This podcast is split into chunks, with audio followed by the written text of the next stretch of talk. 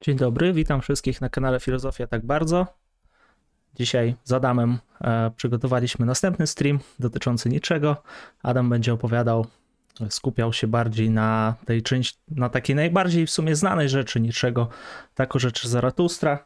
Książka, od której często e, większość zaczyna swoją przygodę z niczem albo w ogóle z, filozofię, z filozofią, jest najbardziej chyba znana z tych wszystkich dzieł niczego. E, ma dość o, taki tak, jak najbardziej. Głośny tytuł. Mm, Jeśli cho- Mhm. Tak. Tak, jeśli chodzi o dzieła niczego, to bez wątpienia tako rzeczy Zaratustra deklasuje wszystkie pozostałe. Oczywiście nie ma jakiegoś takiego rankingu, wiadomo, bo trudno, trudno, trudno twarde dane w tym wypadku. Być może trzeba by zajrzeć do, do wydawców, chociaż książkę też wydaje parę, parę, paru wydawców, co też jest jakby o czymś tam świadczy. Ale jak rzu- można rzucić sobie okiem na taki agregat, jakby polski, portal Lubimy Czytać, to tako rzeczy Zaratustra ma bodajże około 7 tysięcy czytelników, a pozostałe dzieła niczego tak 500, 600, to chyba drugie najpopularniejsze ma około 1000 i to jest Antychryst, który myślę, że także, znaczy Antychryst bez wątpienia prze, jakby przemawia tytułem, nie? Tak. Antychryst w niektórych wydaniach, tym mniej popularnym Antychrześcijanin. Ja uważam, że to jest trochę lepsze wydanie, znaczy le, trochę lepsze tłumaczenie, trochę lepsza propozycja, chociaż być może niczemu też chodziło o, o taki efekt e, retoryczny. Ale no, bez wątpienia taką rzeczy Zaratustra najpopularniejsza e, książka niczego e, i także mm, chyba budząca najwięcej wątpliwości z uwagi na formę, na formę, która jest literacka najbardziej z, z tych dzieł. No, z wyłączeniem być może z tej kategorii tego małego dziełka, a, które się czasami wydaje osobno, czyli dytyrambów dionizyjskich. Dytyramby dionizyjskie to jest już de facto a, dosyć specyficzny wybór poezji. No a tako rzeczy Zaratustra. Trudno powiedzieć, jaki gatunek literacki. Może to jest coś w rodzaju powieści poetyckiej, a może to jest poemat. No ale w każdym razie forma literacka, fabularna, powieściowa, jest tam narracja, bohaterowie, oni mają przygody, tytułowy bohater Zaratustra ma tych przygód całkiem sporo, no i spróbujemy sobie dzisiaj odpowiedzieć na, na pytanie, e, o co w tym chodzi i także postaram się, postaram się dostarczyć jakichś takich kluczy interpretacyjnych, jednego głównego, który mam nadzieję pozwoli trochę lepiej e, uporządkować to dzieło. Tak, może powiesz jeszcze coś o zwierzętach, bo tam jest, z tego co wiem, tam jest cały, całe zoo przedstawione. E, tak, zwierzętami będziemy się zajmować. To jest też interesujące. Te zwierzęta przemawiają. To są główni towarzysze, są główni towarzysze Zaratustry. E, no i, i przejdziemy do nich. Zwłaszcza, zwłaszcza są takie dosyć interesujące fragmenty, kiedy te zwierzęta go krytykują, ale no jest, jest ich sporo.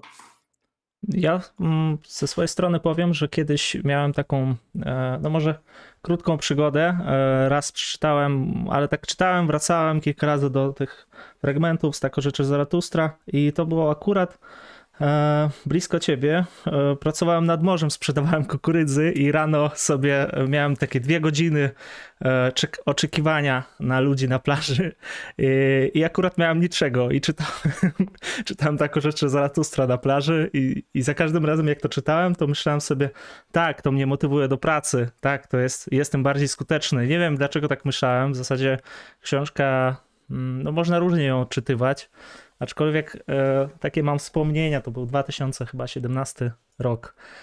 E, tak, Jastrzębia Góra. Jasne. Ja jak już wspominałem, po raz pierwszy czytałem Zaratustrę jeszcze w liceum, a żeby się przygotować do prezentacji o niczym, którą, którą prowadziłem na języku polskim. No i to faktycznie książka zrobiła na mnie spore wrażenie. A czytałem ją zresztą w tym wydaniu, a, które być może się pojawi, to jest to dosyć popularne O. wydanie z Vesperu. Vesper to jest wydawnictwo wydające raczej, raczej, literaturę, powieści, bardzo fajne przekłady nowe Lovecrafta. No i także wydają tako rzeczy Zaratustra. E, uważam, że jest trochę takie wygodniejsze do trzymania, powiedzmy książka się lepiej otwiera. Mam wrażenie, że kiedyś była bardziej różowa, teraz, teraz już nie wydaje mi się aż taka różowa, nie wiem, może ta akurat wyblakła na słońcu. A, no to co, zacznijmy może, a, zacznijmy może od tego tytułu. Są w ogóle dwa tłumaczenia, tego, dobra, to może jeszcze od takiej informacji bibliograficznej. E, My tutaj w tytule wrzuciliśmy e, starszą propozycję tłumaczenia, a, czyli tako rzeczy Zaratustra. E, Tak to wyszło w przekładzie Wacława Berenta. Jest jeszcze trochę nowsze tłumaczenie, e, bodajże to rzekł Zaratustra. Jest nowsze, e, mniej popularne oczywiście, Także dlatego, że vis-a-vis Etioda, ulubione wydawnictwo wszystkich budżetowych filozofów, czy w ogóle filozofów, ja, ja lubię Czyli wszystkich filozofów. czyli wszystkich, czyli wszystkich wznawia, czy wydaje kolejne edycje rzeczy właśnie w tym tłumaczeniu Berenta. A Berent, interesująca też postać, związany tam z polskim modernizmem, czyli z tak zwaną młodą polską, pisarz, autor paru powieści, takich całkiem fajnych, dekadenckich można powiedzieć. I moim zdaniem to, to właśnie służy temu tłumaczeniu, bo ono też jest takie dosyć literackie. To, się, to jest dobry tekst, nie? To, się, to się fajnie czyta literacko. Oczywiście minus jest taki, że są tu pewne takie archaizmy e, typowe dla tego polskiego modernizmu i no, to, to, to, może być jedyny taki, taki próg, że dzieło tak trochę pobrzmiewa archaicznie, no ale z drugiej strony Nietzsche umiera w roku 1900, nad Zaratustrą pracuje koło roku e, Dobra, żeby teraz nie pochrzanić. 83 bodajże. Też do tego, też do tego dojdziemy. E, ja dziękuję za donata, Popcynik. Sprzedam beczkę tanio. E, dobrze, o, proszę. Popcynik. Cynik. W ogóle to jest fajne. E, mój, mój znajomy, przyjaciel, nie jestem pewien, czy to słowo określa, ale, ale osoba, którą znam od wielu lat, czyli Cezary Rudnicki, e, doktor Cezary Rudnicki już teraz, związany z machiną myśli, którego może część z naszych słuchaczy kojarzy. Jak z nim gadałem ostatnio o niczym, powiedział, że, że kiedy pracował nad cynikami, zajmował się starożytnym cynicyzmem, to sporo, sporo takich pomysłów niczeańskich trochę lepiej mu zabrzmiało, zwłaszcza ten wątek przewartościowania wartości jakoś tak lepiej wybrzmiał. No i być może właśnie także u niczego są jakieś takie naleciałości czy inspiracje cynickie. Wiem także, że jeden z takich chyba współczesnych niczemu myślicieli niemieckich, taki filolog, napisał o nim książkę jeszcze z jego życia, czy dosyć wcześnie po jego śmierci, nie, nie czytałem jej, znam to z drugiej ręki, to właśnie z jakiejś takiej rozmowy, ale no stawiał taki cynicki trop, więc to może być dosyć adekwatne. E, dobra. Komentarze, tak, e, witamy, witamy wszystkich, dzień dobry, dzień dobry Emilu.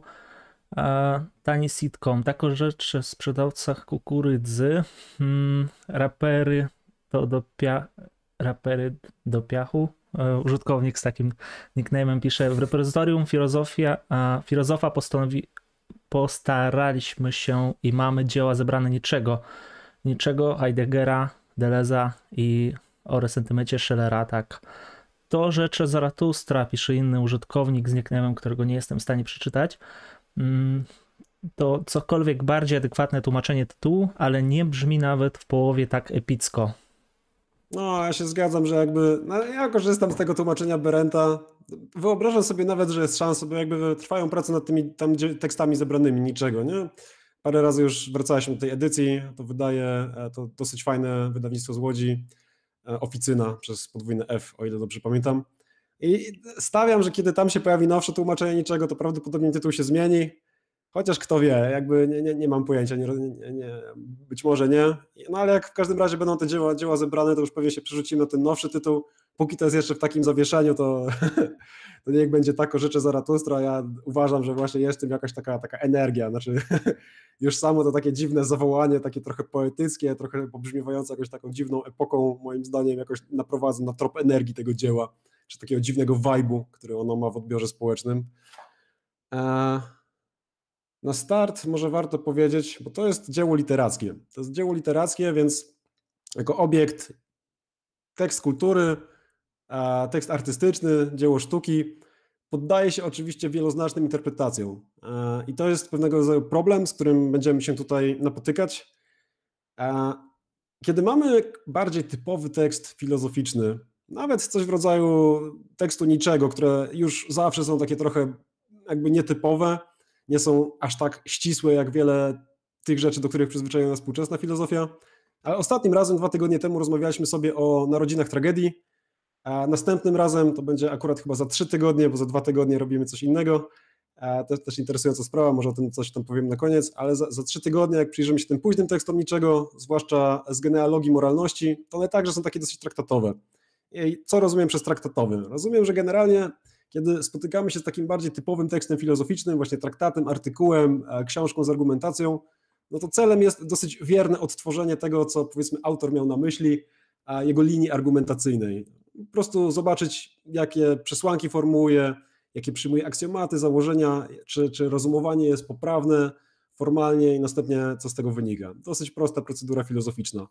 No tutaj mamy, e, tutaj mamy dzieło literackie, z definicji w zasadzie podatne na wielość interpretacyjną, niedookreślone, mm, poetyckie, wizyjne, no i to będzie coś, co będzie wracało. Ja postaram się zaprezentować parę interpretacji niczego, czy parę interpretacji tego, o co wydaje mi się, że niczemu może chodzić. Niemniej, jakby trzeba mieć gdzieś cały czas z tyłu głowy, że to są jakieś moje pomysły, ewentualnie poglądy interpretatorów, a takich dosyć powiedzmy uznanych, których, których jakoś tam referuję, które jakoś mnie ukształtowały. Ale no to nie jest tak, że można jednoznacznie powiedzieć, że to jest poprawna interpretacja, to nie jest poprawna. No, sam tekst literacki jakby nie pozwala na tego typu poziom ścisłości. E, więc to jest taka uwaga, powiedzmy, metaprzedmiotowa. Następnie klucz, bo będziemy to czytać jako dzieło z kluczem. E, I to jest, może zacznę tak, kiedy po raz pierwszy przeczytałem tego rzeczy Zaratustra, to w ogóle nie miałem pojęcia o istnieniu tego klucza.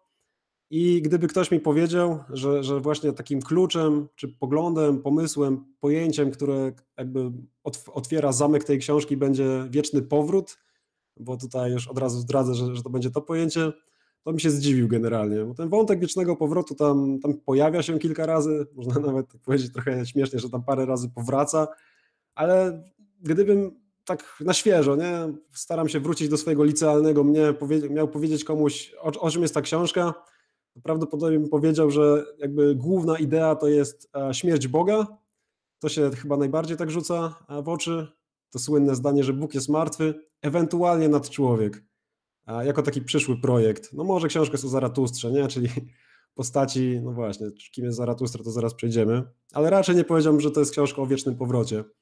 Mm, więc klucz jest trochę taki osobliwy, może nie być oczywisty, kiedy się prowadzi taką pierwszą lekturę. Niemniej, jak zaraz, zaraz zobaczymy, postaram się to udowodnić tekstualnie, nie jest to specjalnie kontrowersyjny wybór i, i jest dosyć dobrze udokumentowany.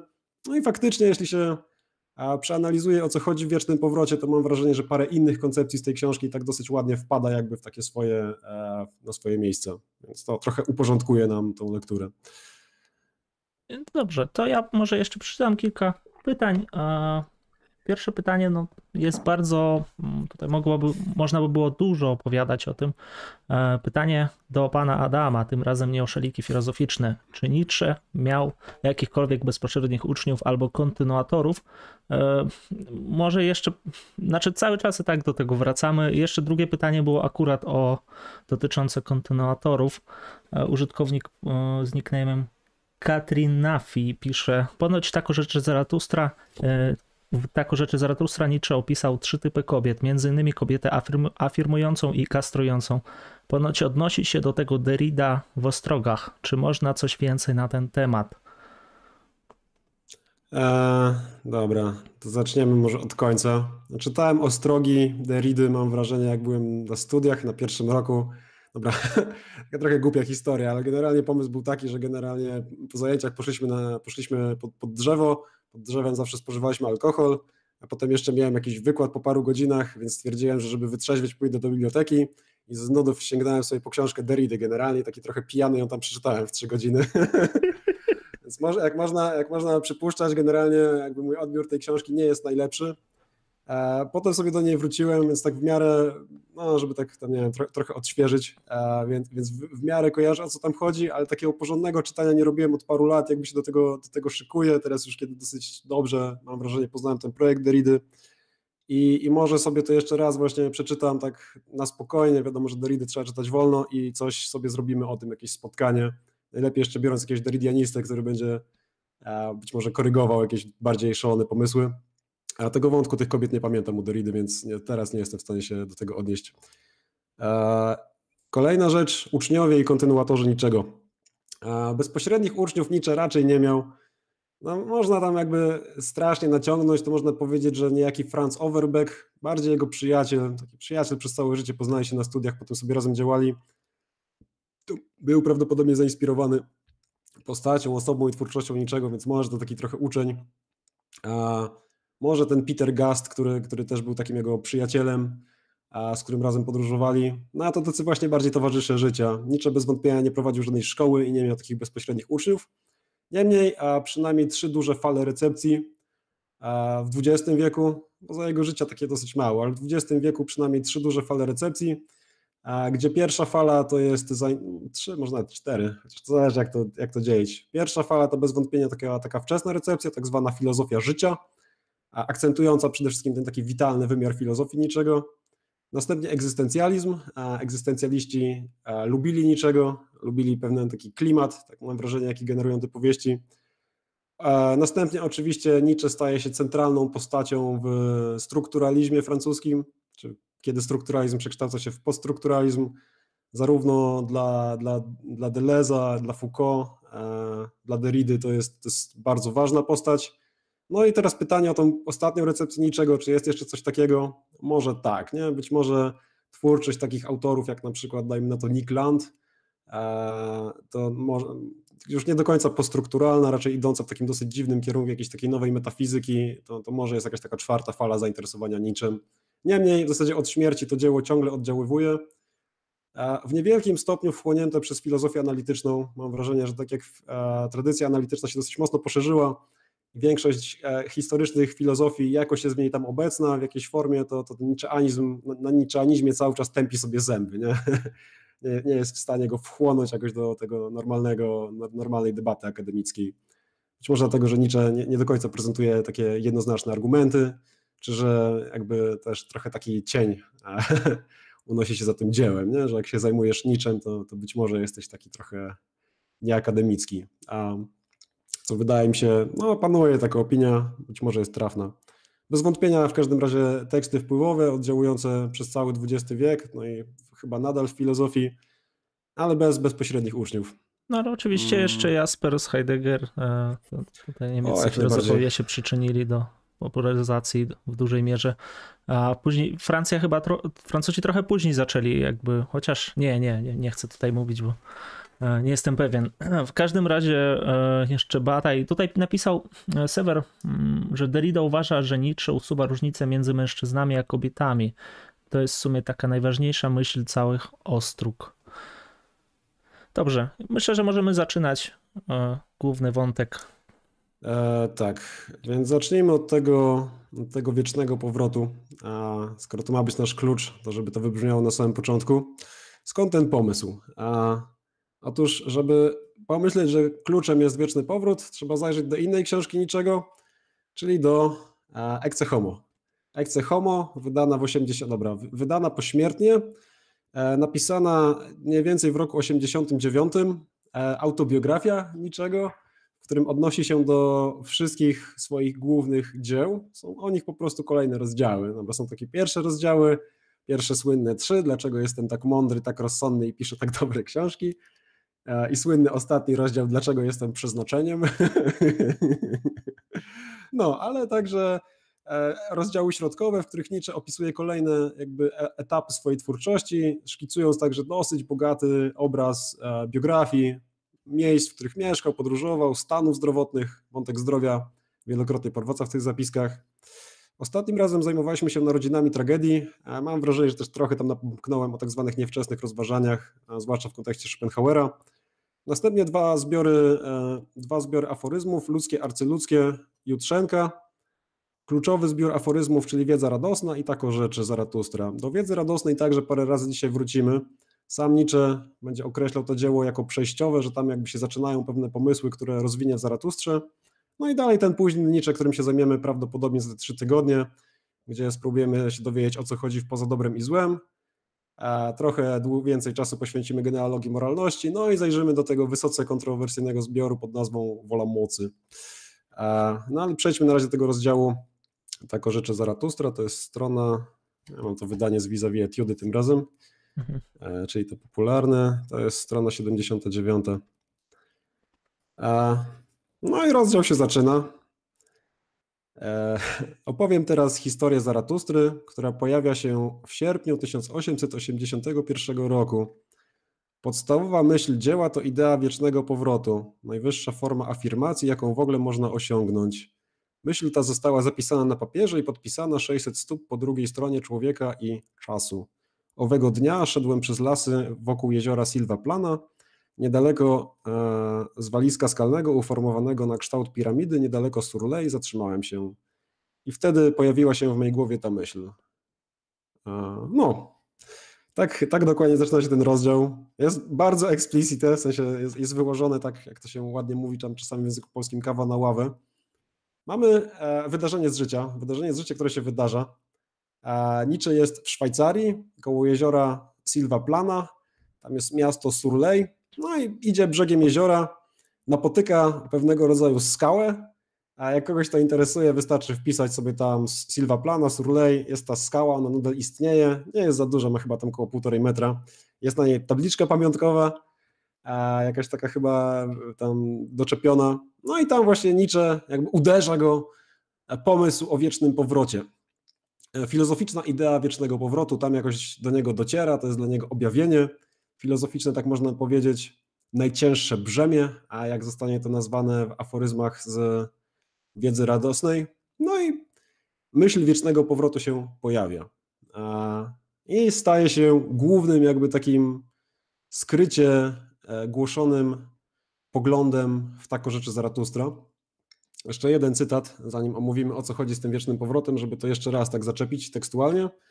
Więc teraz się powołamy na mm, tą taką dużą książkę, którą o niczym napisał Karl Jaspers. Faktycznie jest ona, faktycznie jest ona duża. To jest ta zielona książka z tego wydawnictwa Oficyna. I na stronie 384, czyli dosyć późno. Wyświetliłem A... obrazek Silva Plana, to co mówiłeś. To jest kamień taki fajnie, obok fajnie. jeziora, tak? Tak, tak. U jeziora jest taka, taka jakby skała. Mhm. E, no i podobno właśnie w tym miejscu Nietzsche, Nietzsche doznał tego, nie wiem, czy można użyć objawienia, inspiracji. Mhm. A dobra, 384 strona tej książki Jaspersa. Jaspers, e, Jaspers omawia. Znaczenie idei wiecznego powrotu jest zatem dla niczego z niczym nieporównywalne. Żadna inna myśl pod względem swego znaczenia nie zasługuje na taką uwagę. Nietzsche sądzi, że oddziaływanie tej idei będzie olbrzymie. Struktura Zaratustry kieruje się skrycie myślą głoszenia tej idei symbolicznie. Idea ta jak żadna inna jest niebezpieczna dla każdego, kto ją rozważa. Tę ideę Nietzsche powierzył jak tajemnicę cichym szeptem wraz z wszelkimi oznakami przerażenia Lusalom i Overbeckowi. No, Jaspers, autor też z jakimś wyczuciem literackim, moim zdaniem tutaj snuje nam, trochę, trochę podkręca, nie? trochę koloryzuje. Ostatecznie skąd ma wiedzieć, czy Nietzsche faktycznie wyszeptał w środku nocy tą ideę swoim przyjaciołom, no ale faktycznie była dla niego ważna.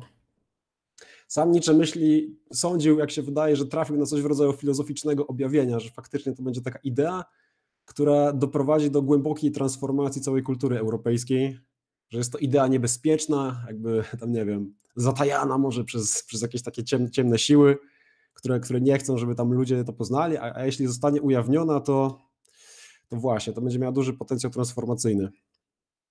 No więc skoro już tak podbiliśmy stawkę, to, to teraz już chyba można tylko zawieść. Niestety, no ale też warto zrozumieć, co z tym chodzi. A więc a, wieczny powrót. Można go rozumieć dwojako i oba te znaczenia będą się przeplatać w tekstach niczego. Mm, jak to dobrze nazywa Deles, wieczny powrót ma wymiar fizykalny czy przyrodniczy oraz etyczny. Zacznijmy może od tego przyrodniczego. E, jest on łatwiejszy do uchwycenia, też ta wersja przyrodnicza, jeśli się to prześledzi w kulturze, to w kulturze, no, w tekstach kultur rozmaitych, historycznych, to jest to idea, która wraca z, pewnym, z, pewnym, z pewną częstotliwością. A chyba tylko w niektórych kulturach starożytnych jakby była tak bardzo szeroko przyjmowana. Niemniej w bardzo wielu kulturach, zwłaszcza w chrześcijaństwie, często funkcjonuje jako taka, powiedzmy, idea w tle. Czy znaczy nie do końca. Można mhm. to nazwać ontologicznym też odczytaniem? Bo to też się spotkałem tak, z takim określeniem. Ontologiczne, metafizyczne, przyrodnicze. Tutaj jakby Sekundę, te słowa należy traktować. Dobrze.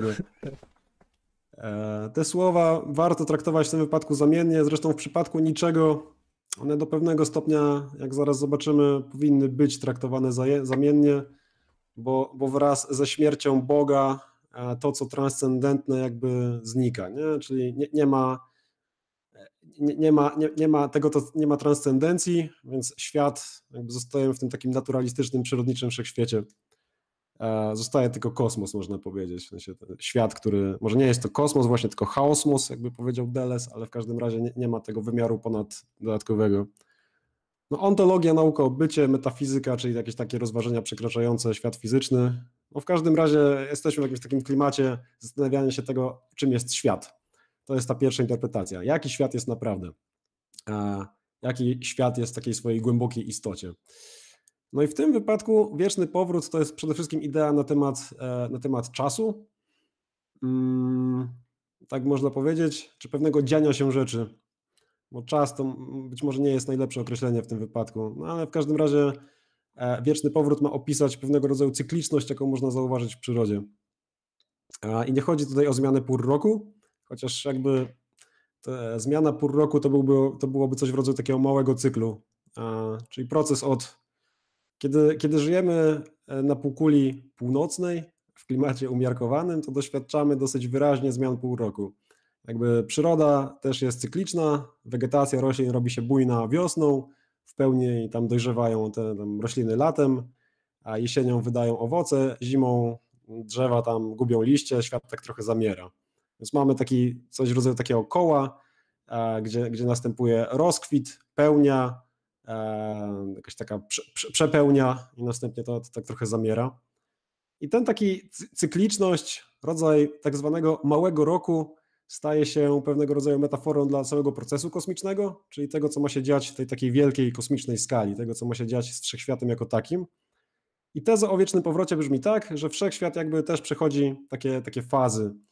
Ma, też ma charakter kołowy, istnieją jakby kolejne wszechświaty, czy kolejne wersje wszechświata, które zaczynają się od nowa. No jakby sobie można to wyobrazić, mając powiedzmy współczesną wiedzę fizyczną, którą Nietzsche oczywiście nie dysponował. No ale my byśmy mogli powiedzieć, e, tak mi się wydaje, że gdybyśmy chcieli to potraktować tak metafizycznie, czy ontologicznie, czy tam przyrodniczo, że, że jest wielki wybuch, potem po wielkim wybuchu, tam, no wiadomo, dzieją się rozmaite fizyczne rzeczy, a następnie dzieje się coś być może tam, nie wiem, prawa fizyki doprowadzają wszechświat do stanu, że życie jest już w nim niemożliwe.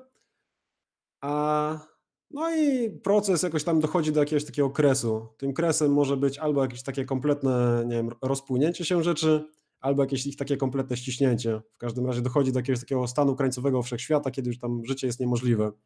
Następnie z uwagi na mechanizm, którego jakby nie znamy, trudno nam go zdefiniować, ale coś dzieje się tak, że ten proces jakoś się doskakuje do granicy i się powiedzmy odbija niczym wahadło. No i znowu następuje nowy wielki wybuch, wszechświat się znowu rozwija i tam kolejne, kolejne rzeczy następują. Czyli to byłby taki jakiś model wszechświata, który się zwija i rozwija. Stosując aparat współczesnej fizyki, znowu co jest anachronizmem, bo Nietzsche, Nietzsche tego nie zna, no ale powiedzmy, że tak współczesny czytelnik może sobie wyobrażać ontologiczny czy przyrodniczy wymiar wiecznego powrotu. No ale można sobie także wyobrazić oczywiście, że te rozmaite wszechświaty się tam rodzą, e, rozkwitają i zapadają, no ale to są cały czas różne wszechświaty, nie? No, prawdopodobnie gdyby, gdyby przyjąć tą, tą wersję, czy, czy o tym tak myśleć, no to cały czas są to różne wszechświaty, jakby tam e, pojawiają się nowe zjawiska. W wiecznym powrocie chodzi także o to, i to Nietzsche będzie wiele razy akcentował, że jest to hipoteza wiecznego powrotu tego samego. Czyli w każdym kolejnym cyklu wszechświat odtwarza się, ale jako taka identyczna kopia. Tutaj... Można sobie wyobrazić, że tam za nieskończone eony, a, za nieskończone neony powróci znowu ten stream, powrócą nasze kopie i będą sobie tutaj rozmawiać o niczym. Więc tak należy, tak, tak sądzę w każdym razie, tak należy traktować tą ideę w tym właśnie jej przyrodniczym wymiarze. Pytają o multiświaty. Mateusz Parchimowicz, a nie. Mm, tak, Mateusz Parchimowicz, w sensie on wymyślił multiświaty, czy co? I jeszcze jeden e, użytkownik z YouTube'a, Zielak Peter Pato pyta, nie jest to zatem podobne do koncepcji Empedoklesa, gdzie świat powstaje poprzez przejście z miłości do nienawiści oraz nienawiści do miłości. E, no i tutaj piszą, że już u starożytnych była ta teoria wieloświatu. Tak, tak. E, w wielu kulturach można znaleźć teorię o tak zwanym cyklicznym wszechświecie. Ja ją wyśledziłem, dobra, Mircea Eliade, taki fajny badacz mitów, alchemii, rozmaitych takich trochę dziwnych zjawisk, szamanizmu. Napisał książkę, która nazywa się Mit Wiecznego Powrotu. Tak, on dosyć krótką, tam około 150 stron. I tam, no, z aparatem jakby swojej epoki, ale rekonstruuje właśnie e, ten wątek wiecznego powrotu w rozmaitych kulturach, tam go śledzi w Persji, w Indiach, w kulturach germańskich, nawet chyba pamiętam parę tam zdań o Słowianach e, jakichś archaicznych, którzy podobno też przyjmowali tą ideę, nie wiem, ale wydaje mi się, że, że jest tam coś takiego. Więc bez wątpienia Eliady to jest jakiś trop, gdzie można prześledzić, jak to się tam rozgrywało w rozmaitych, powiedzmy, mitologiach archaicznych. Jeśli chodzi o pomysły filozoficzne, to to także występuje. E, I faktycznie pomysł Empedoklesa jest do tego zbliżony. U Empedoklesa jakby ten wszechświat też tam dąży między tymi dwoma obszarami, chociaż jest to, e, znaczy między takim obszarem jakby takiej, u Empedoklesa świat jakby wychodzi od takiej kuli, potem się rozszerza w kosmos, potem jest takie jakieś pełne rozproszenie i następnie się z powrotem łączy w tą kulę. E, no to to jest trochę bardziej sprecyzowane, a Nietzsche tego nie doprecyzowywał. Nie sądzę też, że był czy, czytelnikiem e, Empetoklesa. E, I jeśli chodzi o starożytną filozofię, to wydaje mi się, że najlepszym tropem dla jakiejś takiej analogii tej idei jest pomysł stoicki. Stara szkoła stoicka, e, myśliciele związani ze starą szkołą stoicką, czyli, czyli Zenon, a zwłaszcza Chryzyp, mieli taki pomysł tak zwanego wielkiego pożaru świata. Mm, no i u stoików to działa tak, że, że właśnie e, świat, przyroda ma pewien wewnętrzny porządek. Ten porządek to jest logos. Logos rządzi światem. To jest takie jakby naturalne prawo, które, które rządzi światem. W każdym cyklu pod koniec, e, pod koniec e, czasu kosmicznego następuje wielkie zognienie, wielki pożar świata. Jakby cały świat płonie. Spala się, ale z racji zarodkowych, z takich jakby małych nasion, Logos odtwarza kolejną wersję tego świata, a ponieważ Logos jest intelektem, jest rozumem, jest porządkiem, to odtwarza ten świat dokładnie tak samo, no bo za każdym razem stwarza świat najlepszy z możliwych, mówiąc językiem Leibnica. Więc ta kosmologia starej szkoły stoickiej moim zdaniem jest najbliższą reprezentacją tej takiej przyrodniczej wizji niczego. Jeśli chodzi o wątek wielu światów, to to także jest anachronizm, tak mi się wydaje. W sensie, że Nietzsche nie, nie myśli w kategoriach wielu światów. Prawdopodobnie bliższy byłby mu pogląd, że istnieje jeden wszechświat, który ma jakby takie, takie cykliczne przemiany. Właśnie tam, no nie, nie wiem, czy sądziłby, że się podpala, nie, ale że dochodzi do, zachodzi jakiś proces przyrodniczy, który sprawia, że, że, że ten wszechświat ulega destrukcji, nie wiem, tam rozpada się, zapada się, a potem ta, z uwagi na te same jakieś takie zjawiska fizyczne, ten, ten świat się rekonstruuje. I to rekonstruuje się w tej samej wersji. Mateusz Nowicki tak. E, pyta, e, świat zaczynając, e, sekundę, tak, świat zaczynając od początku rozpoczyna nowe dzieje, czy powtarza poprzednie? Powtarza poprzednie. Tak, zawsze dzieje się to samo. Jeszcze mam Wiesz? pytanie. Przemysław Niedziela. Jakie ma znaczenie czas, jeśli powtarzanie się wszechświata jest takie samo? Nieskończoność wszechświatów nie jest wtedy jednym? No, to jest bardzo dobry trop generalnie i to też to jest myśl, którą Nietzsche będzie eksplorował. Dla niego hipoteza wiecznego powrotu, bo też warto o tym myśleć. Jakby, dobra, stoicy prawdopodobnie wierzyli, że świat faktycznie taki jest, nie? Starzy myśliciele stoicy, faktycznie tak sądzę, generalnie gdyby ich tak przycisnąć do muru, nie? E, to, to powiedzieliby, no dobra, nie, tak, faktycznie będzie ten pożar, ten świat spłonie i tam ten logos odtworzy go z tych, z tych racji zarodkowych. Faktycznie tak uważam. W przypadku niczego to jest dużo bardziej niejednoznaczna sprawa. Trudno powiedzieć, na ile Nietzsche jakby faktycznie sam przyjmuje tą hipotezę, na pewno ją intensywnie rozważa. Na pewno uważa, że to jest idea warta rozważenia, którą trzeba tak dogłębnie przemyśleć, jak, jak tam często sam pisze, przemyśleć do samego końca, wyciągnąć jakieś ostateczne, ostateczne skutki. No i właśnie ta idea, z uwagi na to, że cały czas coś się zmienia we wszechświecie, jakby to jest coś, co obserwujemy. Tam czas płynie, cały czas coś się zmienia, ale skoro występuje wieczny powrót, to w zasadzie ciągle jest to samo, nie? Jakby e, ten zdeterminowany wszechświat ciągle odtwarza ten sam stan, bo jest wieczny powrót tego samego. I to taka dziwna jakaś, mm, jakby to powiedzieć, nie dialektyka, bo to nie jest pojęcie dobre dla, dla dla analizy myśli niczego, ale jakaś ta taka dziwna kontestacja, że jednocześnie możemy żyć w świecie nieskończonej zmiany i nieskończonej tożsamości, ciągłego tego samego, będzie niczego fascynować. I on będzie twierdził, zwłaszcza w tych fragmentach woli mocy, którym się zajmiemy następnym razem, że wieczny powrót pozwala jakoś tak przybliżyć te dwa stanowiska jakieś ontologiczne, czy jakieś takie dwa poglądy na, na, na świat, że jest najwspanialszym sposobem na przybliżenie ciągłego stawia, stawania się, ciągłego ruchu, ciągłej zmiany i ciągłego tego samego, ciągłego niezmiany. Więc jakby za pomocą wiecznego powrotu można połączyć powiedzmy perspektywę Parmenidesa i Heraklita, nie? gdzie Heraklit reprezentowałby ten świat ciągłej zmiany, a Parmenides ten świat bytu, który jest tożsamy sam ze sobą, więc tam nic się nie może zmieniać. No i dla niczego ten pomysł po prostu z uwagi na to, że jak się o tym myśli, to jakby faktycznie wydaje się, że jest ciągła zmiana i ciągłe to samo, to, to takie napięcie, które to generuje jest interesujące intelektualnie. Mateusz Parchimowicz y, z YouTube'a pyta, czy Nietzsche był deterministą? Eee, myślę, że tak.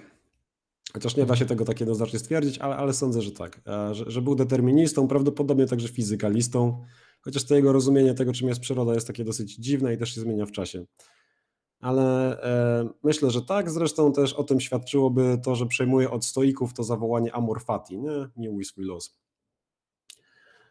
E, to pomówiliśmy sobie trochę o tym przyrodniczym wymiarze e, wiecznego powrotu. To może przejdźmy do tego drugiego, które moim zdaniem nie wiem, czy jest ważniejsze, ale chyba jest ważniejsze, a na pewno jest bardziej płodne i lepiej się przydaje do zrozumienia tego projektu niczego, który generalnie dla wielu osób ma wymiar etyczny, że, że Nietzsche to jest przede wszystkim taki myśliciel, który stara się nam coś powiedzieć o moralności, o przemianach kulturowych. Żeby uchwycić etyczne rozumienie hipotezy wiecznego powrotu, zajrzymy sobie do radosnej wiedzy, czyli do tej wcześniejszej książki niczego. A ja akurat mam w tym wydaniu, o, Nietzsche, pojawia się, Nietzsche pojawia się na streamie, jego wielka głowa. To jest to bardzo ładne, trudno dostępne wydanie radosnej wiedzy, w tłumaczeniu Magdaleny Łukasiewicz. No, ponieważ książka jest ładnie wydana i udało mi się kiedyś ją zdobyć, to, to się pochwalę. To jest wcześniejsze dzieło niczego, w którym on pracuje przed Zaratustrą, w Homo, czyli tym autobiograficznym dziele. Będzie twierdził, że właśnie to, tako, znaczy, że wiedza radosna ma pewne już takie, jakby to powiedzieć, z okresem przygotowawczym, że idee e, Zaratustry tutaj inkubują, no i faktycznie, jeśli śledzić dzieła niczego, to pomysł wiecznego powrotu po raz pierwszy pojawia się tutaj. Książka jest numerowana, składa się z numerowanych aforyzmów i aforyzm, który nas interesuje ma numer 341, czyli jest dosyć późno. E, na pewno jak się czyta e, wiedzę radosną, to nie wydaje się być ona jakąś tam, nie wiem, bardzo, bardzo kluczową rzeczą. No ale tutaj właśnie wieczny powrót pojawia się po raz pierwszy w tekstach niczego, tych takich wydanych książkowych. Przeczytam cały ten aforyzm. Aforyzm ma, mm, no, taki współczesnym językiem mówiąc, to jest coś w rodzaju takiego eksperymentu myślowego. No i sobie to skomentujemy. Wydaje mi się, że jak go przeczytam, to już będzie dosyć jasne, czym jest ten taki drugi wymiar hipotezy wiecznego powrotu. Najcięższe brzemię.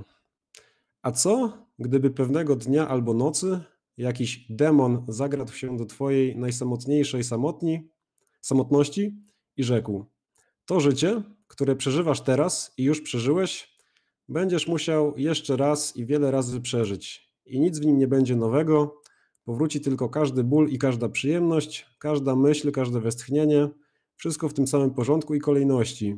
I ten pająk, i ta poświata księżyca między drzewami, i ta chwila, i ja sam. Wieczna klepsydra życia będzie wciąż się przewracać, i ty razem z nią pyłek pyłu. Czy nie rzuciłbyś się na ziemię, nie zgrzytał zębami i nie przeklinał demona, który wyrzekł te słowa? A może miałeś w życiu tę niezwykłą chwilę, kiedy gotów byłeś mu odpowiedzieć: Jesteś Bogiem i nigdy nie słyszałem słów godniejszych Boga. Gdyby owładnęła tobą taka myśl, przemieniłaby cię i może zmiażdżyła. Pytanie przy każdym zdarzeniu: czy chcesz tego jeszcze raz i wiele razy? Ległoby najcięższym brzemieniem na twoich poczynaniach, a jeszcze i to. Jak trzeba być zadowolonym z siebie i z życia, by nie pragnąć już niczego więcej, tylko takiego ostatecznego, wiekuistego potwierdzenia i przypieczętowania. Dobra. Dłuższy fragment. Mamy sobie wyobrazić sytuację. Sytuacja taka nieco powiedzmy literacka, może jak z jakiejś powieści gotyckiej. W każdym razie ciemna noc, wieczór. Do, do naszej sypialni zakłada się demon, czyli wysłannik świata nadprzyrodzonego, wyposażony w jakąś taką wiedzę, powiedzmy, metafizyczną. No i mówi, a hipoteza wiecznego powrotu jest prawdziwa. to, to, to, to, jest tam, to, to jest prawda. Świat faktycznie wraca, e, ta chwila się wydarzy, poprzednia chwila się wydarzy, wróci to samo łóżko, jakby ten sam pająk, ten sam pyłek, poświata księżyca, wszystko się odtworzy.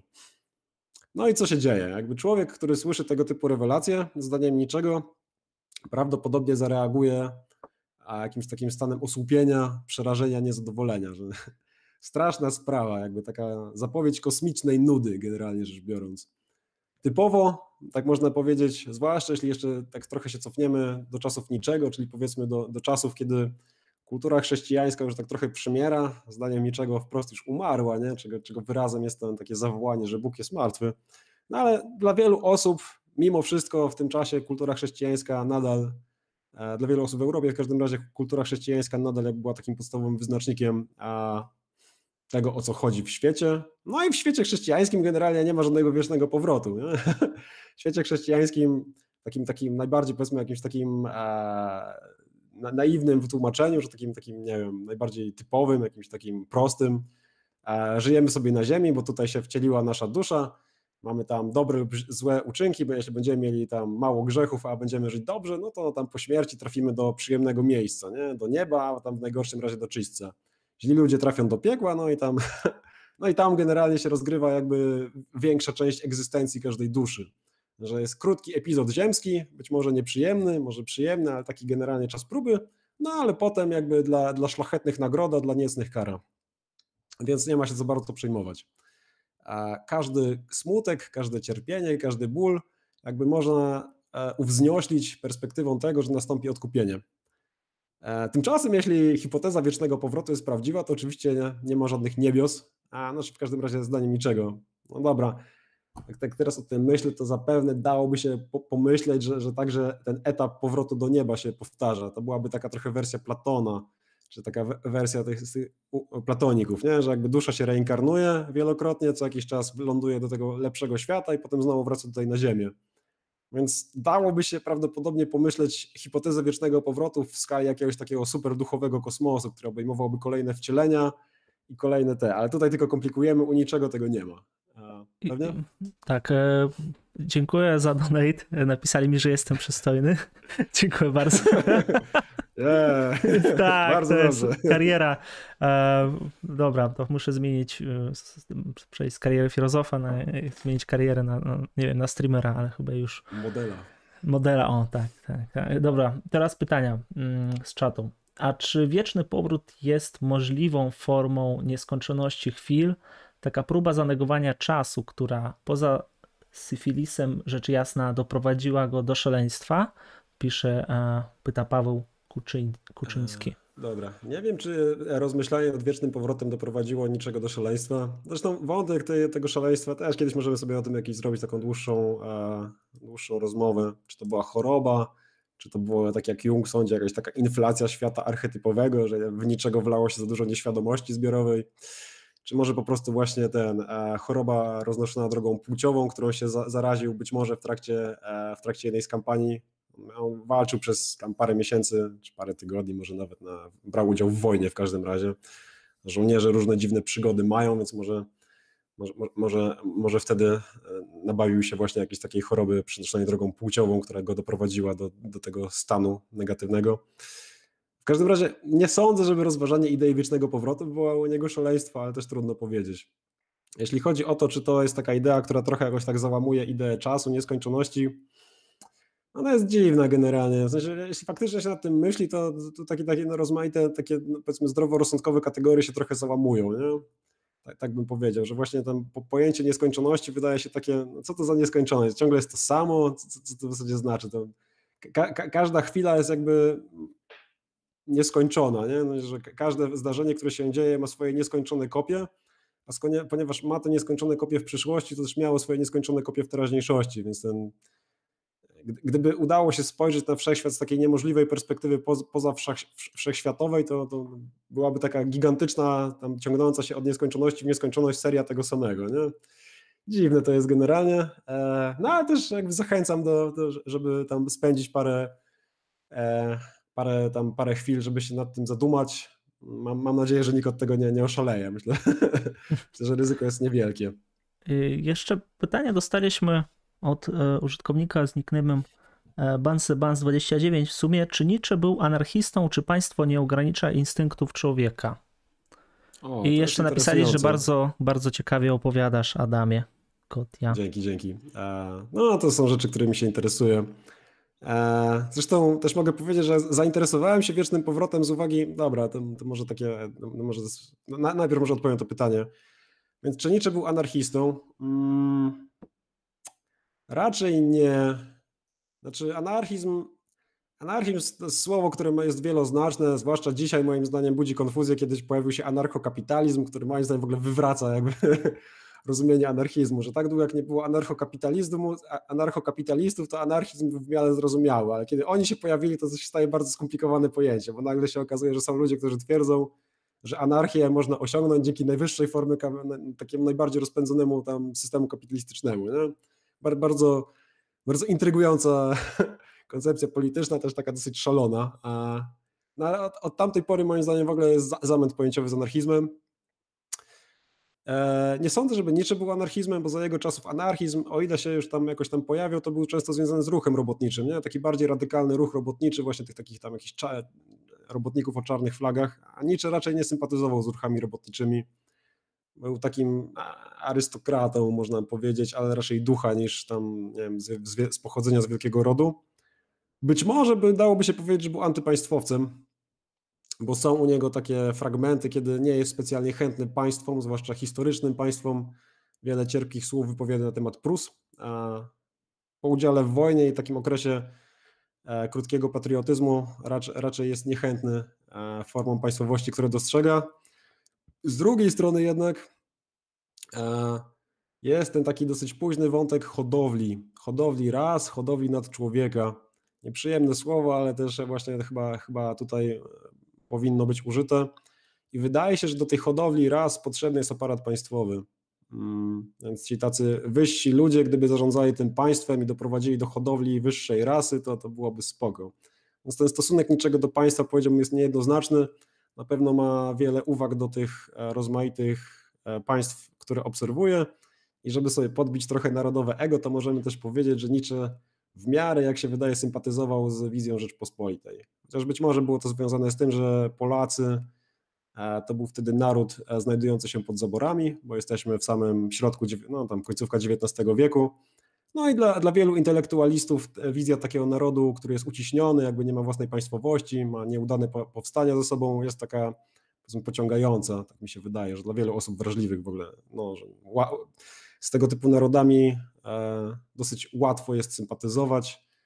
E, go, gorzej, gorzej, tak bardziej niejednoznacznie robi się, jak te narody jakby już osiągają ten status państwowy i się okazuje, że to państwo jest takie powiedzmy średnie, nie? To, to sytuacja jest dużo bardziej niejednoznaczna, ale tak długo jak jeszcze jest dosyć jednoznacznie, są rozdzielone role, wiadomo kto jest jakby najeźdźcą, kto jest e, obiektem opresji, to, to, to, to, to, to te narody budzą sympatię.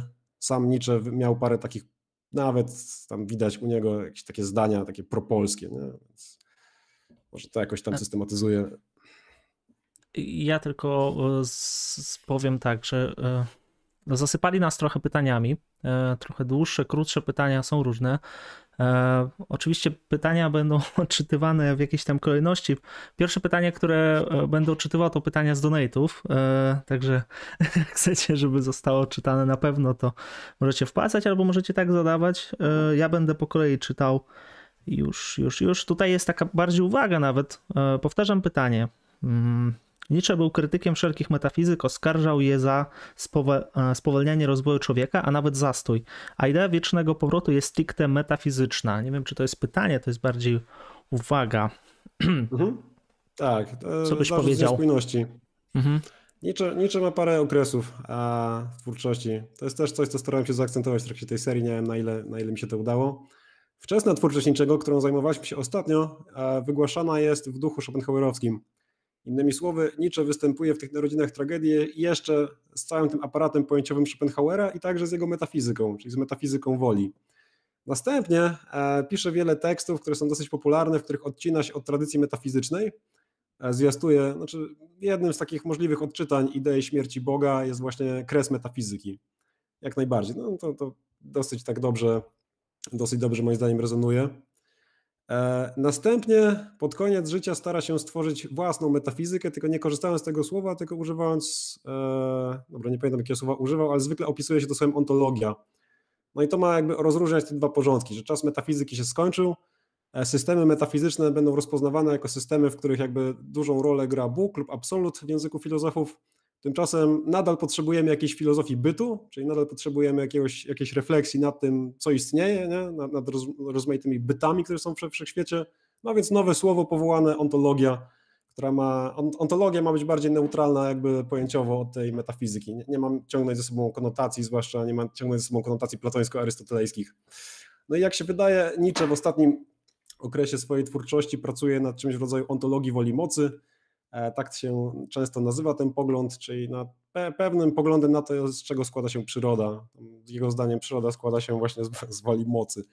To, to będzie następnym razem, jak będziemy się przyglądać temu projektowi właśnie przyrodniczemu. E, no ale zarzut, zarzut, czy taka kontestacja pozostaje, że faktycznie jak na osobę, która napisała sporo cierpkich słów pod adresem rozmaitych metafizyk, sam jak się wydaje jest uwikłany metafizycznie, nie? czy jego poglądy mają jakiś taki ciężar. No, no tak jest. tak po prostu jest. Nie ma jakiejś takiej interpretacji, która by rozwiązała tą sprzeczność? E, nie wiem, czy to jest Aha. sprzeczność tak na dobrą sprawę. Znaczy, to jest pytanie, czy, czy, da się jakby robić filozofię bez metafizyki, czy bez mhm. jakiejś teorii bytu. Być może mhm. programowo się da, w sensie, dobra, twierdzimy, że nas to nie interesuje, ale być może każda teza filozoficzna, czy każdy pogląd filozoficzny niesie ze sobą pewien ciężar ontologiczny, nie? że jeśli na przykład twierdzimy, że istnieją, że istnieją ludzie, to już mamy jakąś taką minimalną ontologię. Mhm. Taką, taką absolutnie bazową, nie? albo że tam twierdzimy, że czas jest czymś realnym, albo nam nie wiem, że, że, że zmiana jest czymś realnym. Więc być może każde, ka, każdy typ wypowiedzi jest uwikłany ontologicznie i tylko filozof, który zdecydowałby się na milczenie, mógł być tak konsekwentnym, tam pełnym odrzuceniem idei e, metafizycznych czy tam ontologicznych. Dobra. E... Mm.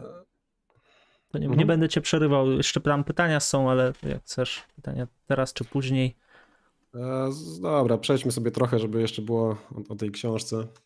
Więc etyczna interpretacja wiecznego powrotu, którą starałem się zawrzeć w tym aforyzmie z wiedzy radosnej, e, zawarta jest w tym zdaniu, czy chcesz tego jeszcze raz i wiele razy, w domyśle nieskończenie wiele razy. I to wygląda tak. Przed, do, przed, każdym czynem, przed każdym dokonaniem, przed każdym wyborem życiowym mamy jakby rozważyć hipotezę wiecznego powrotu. Czyli wyobrazić sobie, że ten sam czyn, to sam, ten sam wybór życiowy będzie powracał jeszcze raz i jeszcze wiele razy. Jakby nieskończone nasze kopie będą go powracać, e, powtarzać.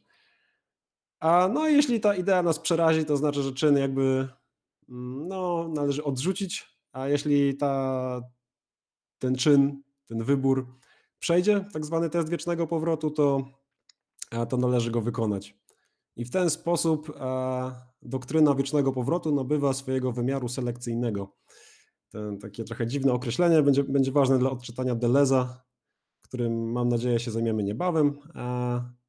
No i właśnie, e, w ten sposób jakby namysł nad wiecznym powrotem, test wiecznego powrotu staje się sposobem na, na dokonywanie wyborów, pewnych takich rozstrzygnięć życiowych, a także ma sprawiać, że także ma sprawiać, że, że wola jakby zostaje afirmowana.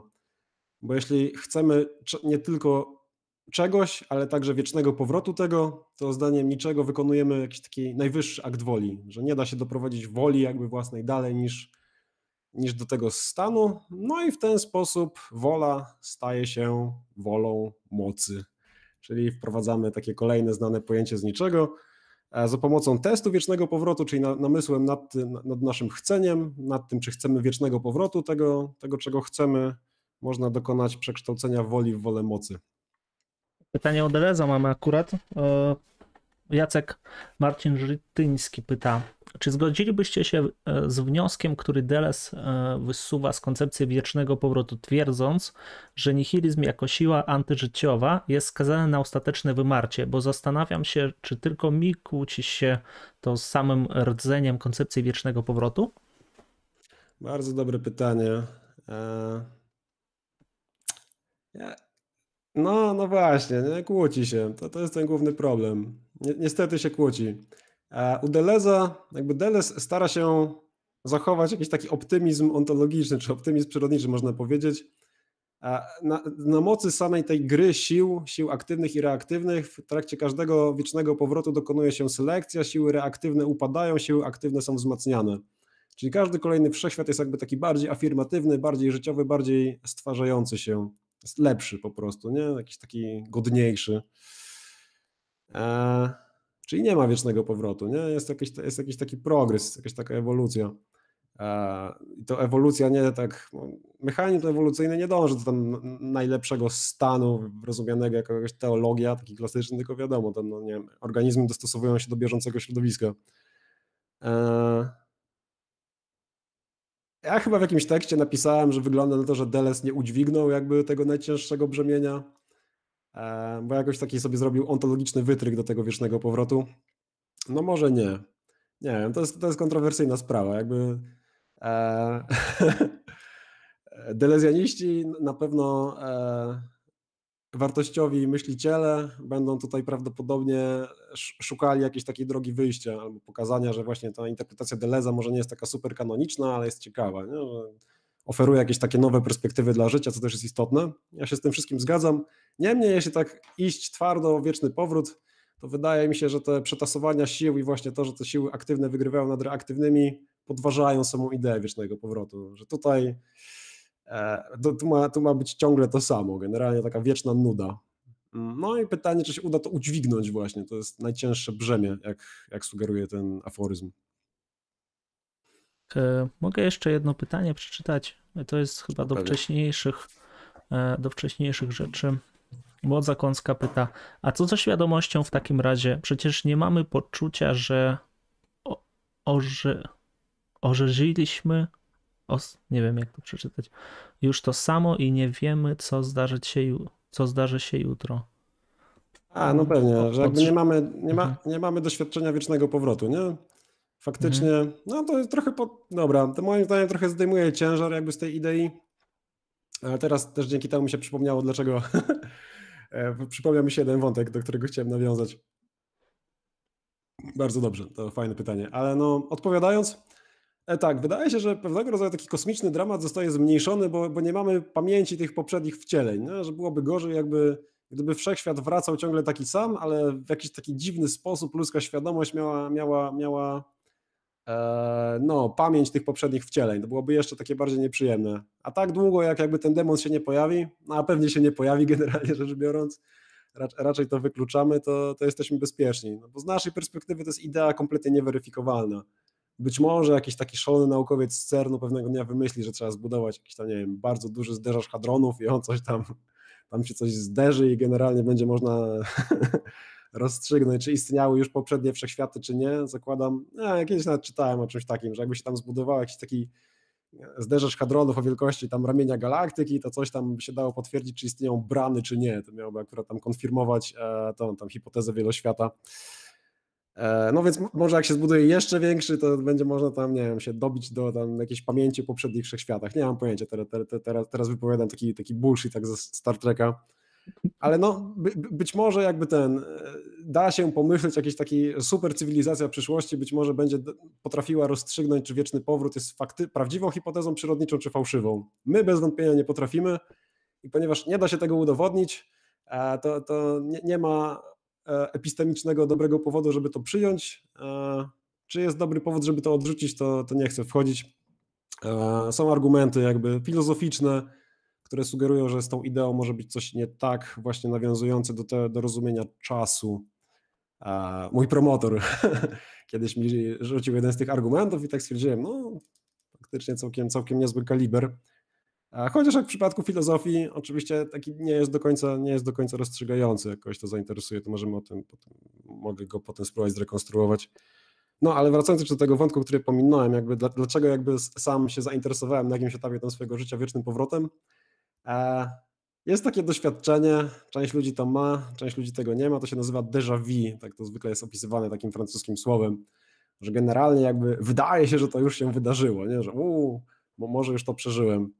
E, a to wrażenie déjà vu mi się tam parę razy w życiu przydarzyło i, i ja i po pewnym takim przydarzeniu tak pomyślałem, o, déjà vu, to w sumie może nie byłby zły pomysł na, na licencjat, żeby coś o tym napisać, bo to takie doświadczenie, które ma jakiś taki potencjał filozoficzny, a, tak, tak mi się wydawało w każdym razie, a takie ciekawe w sumie, nie? Tam może jakieś tam, no są jakieś tam naturalistyczne wyjaśnienia, nie? Że tam coś się w mózgu zacina, ale pewnie jest jakiś myśliciel, który zrobił do tego jakąś taką dziwną metafizykę.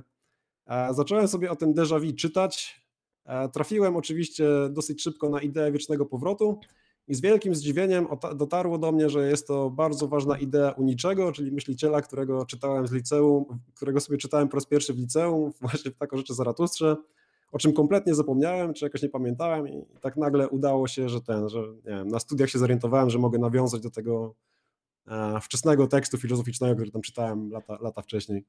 Więc, więc fajnie ten Nietzsche e, w mojej biografii wrócił właśnie dzięki, dzięki déjà vu.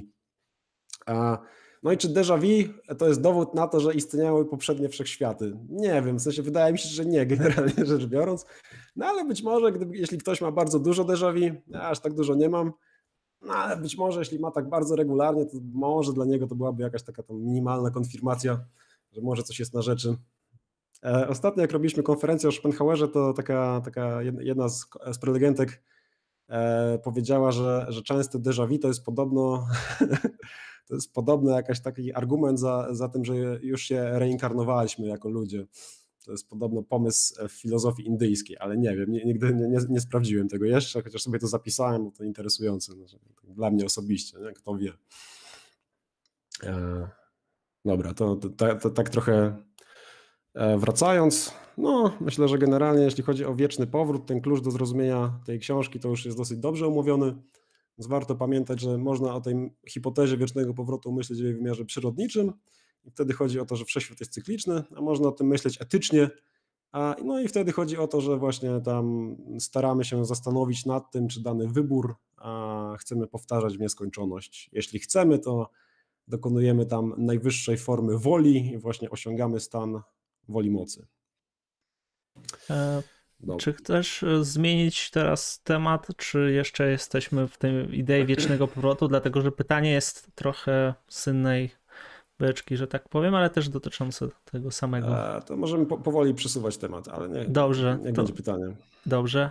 Andrzy Macha, Machaczkała pyta, e, czy Nietzsche uważał, że życie powinno być niczym dzieło sztuki? Mam wrażenie, że już o, o tym coś wspominaliście, ale mogło mi się coś pomylić. O, tak, jak najbardziej. E, tak. Mm, e, rozpoznanie jest poprawne. Zastanawiam się, czy, czy jest to tak tekstualnie napisane jeden do jednego.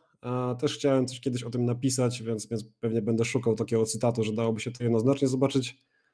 Czy tak po prostu pokazać, że w tym tekście Nietzsche mówi, że życie powinno być jak dzieło sztuki, no ale w wielu opracowaniach można, można spotkać, że jest to idea, która, która była dla niego istotna. To się czasami nazywa estetyka egzystencji. estetyka egzystencji, więc tak, jak najbardziej. Jest to dobry trop. No. Fajnie się to łączy z późniejszymi analizami, na przykład Welsza o tej anestetyzacji e, mhm. i e, estetyzacji, może, która nasila taki efekt, że to, co brzydkie, staje się bardziej estetyczne niż to, co estetyczne. No ale to pewna tak. a, taka dialektyka, można powiedzieć. Wątek, wątek tego życia jako dzieła sztuki E, jakoś tam już był obecny, kiedy ostatnim razem mówiliśmy o Narodzinach Tragedii, gdzie generalnie się okazywało, że Narodziny Tragedii, książka, która ma mówić o tym, jak tam powstała tragedia attycka, wprowadza nagle na arenę dwa typy sił, e, siły dionizyjskie i apollińskie, bohatera tragicznego, no i to wszystko jakoś tam rezonuje, że to nagle ta tragedia staje się takim trochę symbolem życia ludzkiego. Mm, no a tragedia mimo wszystko dzieło, dzieło sztuki, te, tekst kulturowy. Dobra, Przejdźmy trochę dalej. Więc tako rzeczy Zaratustra. A w tytule już występuje główny bohater tego dzieła, tego powieści, eposu, czy to poematu. Zaratustra. A więc może pa, parę słów o tej postaci. Po pierwsze, no książka nie nazywa się tako rzeczy Nietzsche, tylko nazywa, nazywa się tako rzeczy Zaratustra. Nietzsche decyduje się tutaj na dosyć intrygujący zabieg. Jak się wydaje, swoje poglądy wkłada w usta bohatera literackiego, mm, właśnie Zaratustry. Jest to postać z kultury, taka postać prawdopodobnie historyczna, ale także legendarna, jak to się ma w przypadku e, wielu ważnych postaci religijnych.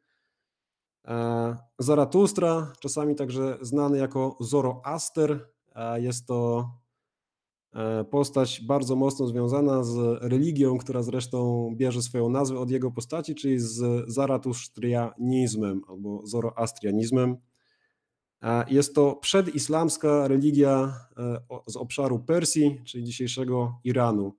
O ile dobrze pamiętam, na świecie żyje chyba jeszcze 500 milionów wyznawców tej religii. Nie, może to jest za 500 milionów? Może to jest za dużo. E, dobra, to, to, jest, to jest jedna z tych takich rzeczy, które prawdopodobnie można łatwo sprawdzić na, na jakiejś tam angielskiej Wikipedii. No ale w każdym razie jest to nadal istniejąca religia, e, wywodząca się chyba oryginalnie z Indii. E, interesująca być może dlatego i tak jest, dobra, bo czemu, czemu Nietzsche bierze tego Zaratustrę, czemu bierze tego, e, tą postać religijną i czyni go głównym bohaterem swojego dzieła? Nie ma co do tego jednoznacznej e, odpowiedzi.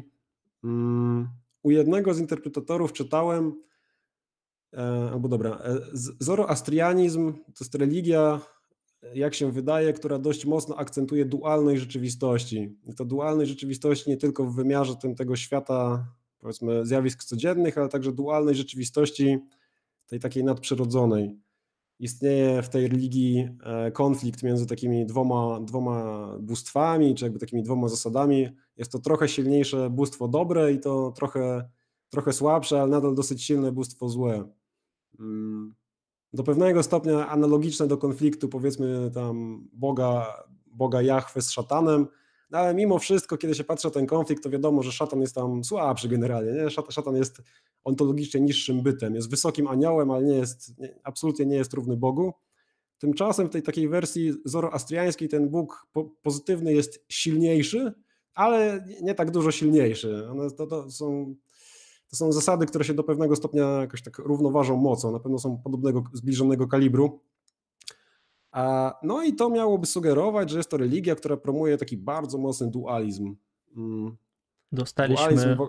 komentarz, przepraszam, że ci przerywam, z Persji. Mhm. 100 e, tysięcy 100, e, Boże, 100 tysięcy 100, 100 tysięcy Boże, co ja, jeszcze raz, przepraszam bardzo, tak, od 100 e, tysięcy do 100 e, tysięcy 20. Tutaj mamy tych wyznawców. E, no i z Persji nie wiem, czy to się odnosiło do tego pierwszego, czy. Bo ty powiedziałeś, ja już nie pamiętam do czego to było. ja chyba powiedziałem 500 milionów, mając oboje 500 tysięcy. Tak, tak. Nie jest to jakaś super. Tak, tak, 500 milionów, potem tak pomyślałem, nie, to, to nie, nie, nie jest możliwe. Nie, to byłaby wielka religia wtedy. E, no nie, nie jest jakaś taka specjalnie duża. No nie, nie a, istnieje... a, a nie, znów, a, Boże, e, Magit pisze to tylko w Ameryce Północnej. A nie, przepraszam. Dobra, już. Może ktoś w końcu napisze ile, bo ja już sam nie wiem. E, E, no dobra, e, nie, nie ma to moim zdaniem jakiegoś tam wielkiego mm znaczenia. To nie jest tak. tak, że Nietzsche jakby, przynajmniej, dobra, może ma wielkie znaczenie, jeśli obawia, ogląda nas jakiś e, wyznawca tej religii albo sympatyk, to absolutnie jakby moim, moim celem nie jest tutaj, e, nie wiem, e, jakieś podważanie tej religii. E, no niemniej, tak patrząc społecznie, to nie jest ona jakoś bardzo, bardzo, bardzo liczna, bez wątpienia w tym świecie, świecie tego obszaru dominującą rolę zajął islam jako taka podstawowa religia e, dla tego, dla tego obszaru kulturowego. No ale niemniej jakby trochę się tych Zoroastrian zachowało. Dosyć interesująca religia, tam też chyba, e, o ile dobrze pamiętam, jest taka idea, że, że w kościołach czy takich świątyniach e, zawsze płonie ogień, co też jakby tam fajnie by nam rezonowało z tym jakimś tam wątkiem omawianym, no nie wiem, z godzinę temu tego wiecznego pożaru stoickiego. Mhm. Nie mam pojęcia, czy tam Zoroastrianie przyjmują hipotezę wiecznego powrotu, czy nie. E, nie, nie, nie, jestem znawcą tej religii, ale kiedyś tam sobie o niej czytałem, uważam, że jest taka całkiem interesująca. No w każdym razie, żeby to zaczepić, e, podobno jakby jednym z motywów, dla których Nietzsche przyjmuje tego Zaratustrę jako bohatera swojej powieści, to żeby go odkupić. Odkupić, bo domyślnie Zaratustra jest, nie jest za dobrą postacią, bo właśnie wprowadził taki bardzo silny dualizm, dualizm dobra i zła, e, tego co pozytywne i tego co negatywne. A dla niczego mm, no jest to jakaś taka naleciałość myślenia, które należy odrzucić. Jak będzie sugerowała jego kolejna książka, należy wyjść poza dobro i zło. I Zaratustra zostaje wzięty nie jako taki typ idealny, który doskonale tam e, e, powziął, czy tam doskonale jakoś odczytał rzeczywistość, ale właśnie jako taka postać, która uczyniła kulturowo coś negatywnego, czyli wprowadziła ten silny dualizm. No i teraz teraz musi, musi się odkupić. Pod tym względem Zaratustra nie jest Dionizosem. E, Dionizos jednoznacznie będzie w tych tekstach niczego, zwłaszcza w coraz późniejszych tekstach, rozpoznawany jako jednoznacznie pozytywny bohater. To, co dionizyjskie, to właśnie afirmuje życie, stanowi jakiś taki najwyższy punkt odniesienia, najwyższą afirmację, najwyższe potwierdzenie życia. Tymczasem Zaratustra nie jest nawet nad człowiekiem. To też warto może tutaj zaznaczyć. Zaratustra jedynie naucza nad człowieka. Jakby Zaratustra przychodzi do ludzi, głosi pewne e, poglądy, głosi być może ideę wiecznego powrotu, na pewno głosi nad człowieka, głosi śmierć Boga, czyli można powiedzieć, Zaratustra przychodzi do ludzi i głosi niebezpieczne idee filozoficzne, zapowiada nadejście nad człowieka, ale sam nie jest nad człowiekiem, nie jest Dionizosem. I chociaż w tekstach niczego Zaratustra zawsze występuje jako pozytywna postać, to jest e, jedna z tych takich, e, no, że jak coś, jak coś Zaratustra to jest bohater pozytywny, przynajmniej w ramach optyki niczego, że jeśli Zaratustra będzie głosił jakieś poglądy albo jakieś takie przejścia, to one są ważne. To nie jest trucicielem na pewno. Reprezentuje wysokie zdrowie i to, no, zaraz, zaraz będziemy mieli taki jakiś dobry opis tego Zaratustry. No ale niemniej ja, ma pewną, pewną wadę, nie, nie jest tym krańcem, on tylko ten kraniec zapowiada, krańcem jest nadczłowiek. E, no, więc ta, ta, Nietzsche bierze tego, tę postać tego, tego starożytnego proroka, trochę legendarną, trochę historyczną, czyni go głównym bohaterem swojego wizyjnego dzieła, opisuje pewne no, wymyślone przygody tego Zaratustry, e, które mają nam coś symbolizować. W sensie tak, tak się wydaje, że taka jest idea tej książki, że te przygody tego Zaratustry, rozmaite jego perypetie e, mają nas naprowadzić na jakieś takie prawdy filozoficzne. Jednym z głównych wątków, jednym z głównych wątków jest oczywiście nadczłowiek, ale zanim przejdziemy na człowieka, jeszcze rozpoznajmy tego Zaratustrę. Znowu wracamy do Ecce Homo, bo tutaj także w rozdziale o Zaratustrze, e, no, Zaratustra jest całkiem, myślę, udanie, e, zinter, no nie zinterpretowany, opisany. E, gdzie my to mamy? O!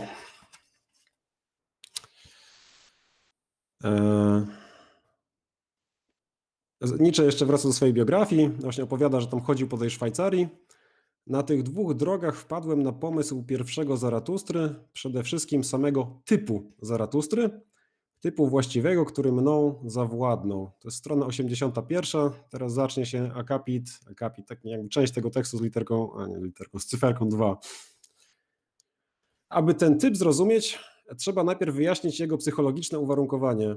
Jest on tym, co ja nazywam wielką zdrowotnością. Nie jestem w stanie wyjaśnić tego pojęcia w bardziej osobisty i lepszy sposób niż to, e, niż to już zrobiłem w jednym z końcowych akapitów piątej księgi Gaia Scientia.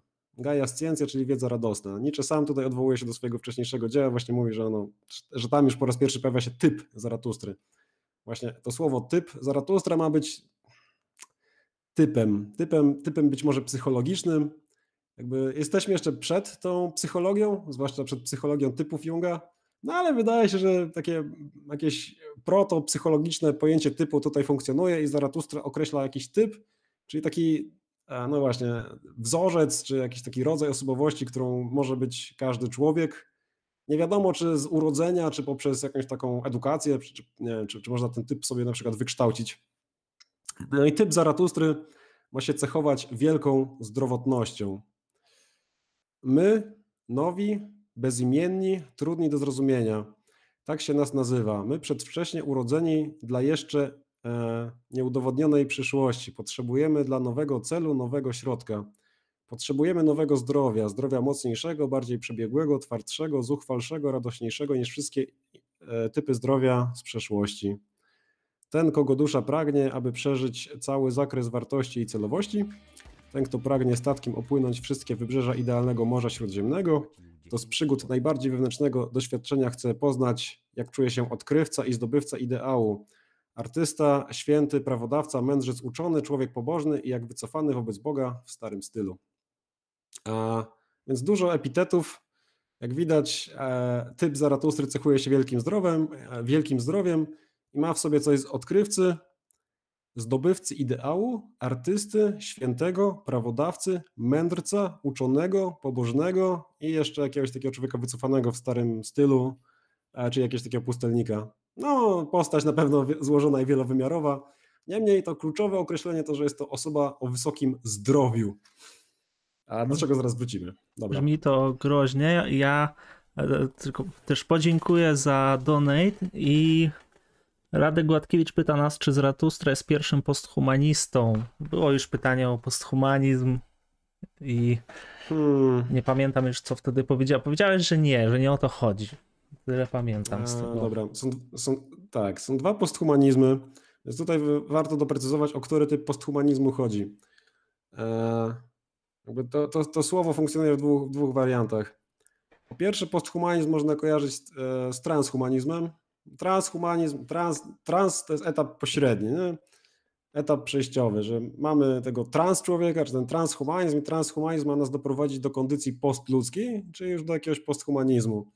No i to współczesny nurt, powiedzmy, lubiany przez niektórych futurystów z Doliny Krzemowej, przez takiego myśliciela jak Nick Bostrom, czy tam Nick Bostrom, bo chyba, chyba tak się wymawia to nazwisko, no i w każdym razie, no jakaś taka idea, że tam poprzez zlanie się z naszym otoczeniem technologicznym osiągniemy jakiś taki status postludzki. To byłby jeden z, roz, z roz, Boże, przepraszam, transhumanizmu. Tutaj jest posthumanizmu, a ja przeczytałem no. transhumanizmu. tak, tak. E, no, Posthumanizm w posthumanizmie. Jest... Aha. I, i, i, no transhumanizm postuluje jakby dojście mhm. do etapu posthumanistycznego i to da się to pojęcie także tak rozumieć. E, na tym pierwszym streamie trochę o tym rozmawiamy, o tym odniesieniu niczego do transhumanizmu. Uważam, że nie jest to jakieś takie super ważne. No, Nietzsche nie jest transhumanistą, bo po prostu to, ten nurt jeszcze za jego czasów nie istnieje. No ale ja tam powoływałem się na takiego współczesnego transhumanistę i niczeanistę, który uważał, że te dwa nurty warto połączyć. I też uważam, że to mogło być ciekawe. Być może temu transhumanizmowi brakuje jakiejś takiej etyki, a ta etyka niczeańska może by tam pasowała, chociaż no, no wiadomo, przyjęcie jej wiąże się z pewnymi kontrowersjami, nie wszystkim się to na pewno spodoba.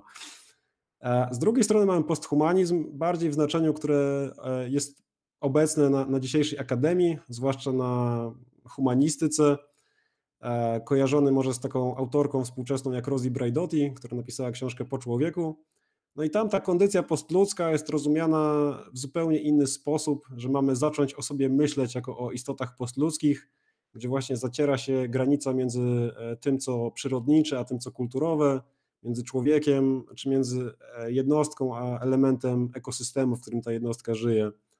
Więc kondycja postludzka byłaby zacieraniem granicy między ludzkim, zwierzęcym, kulturowym, cyborgicznym i tak.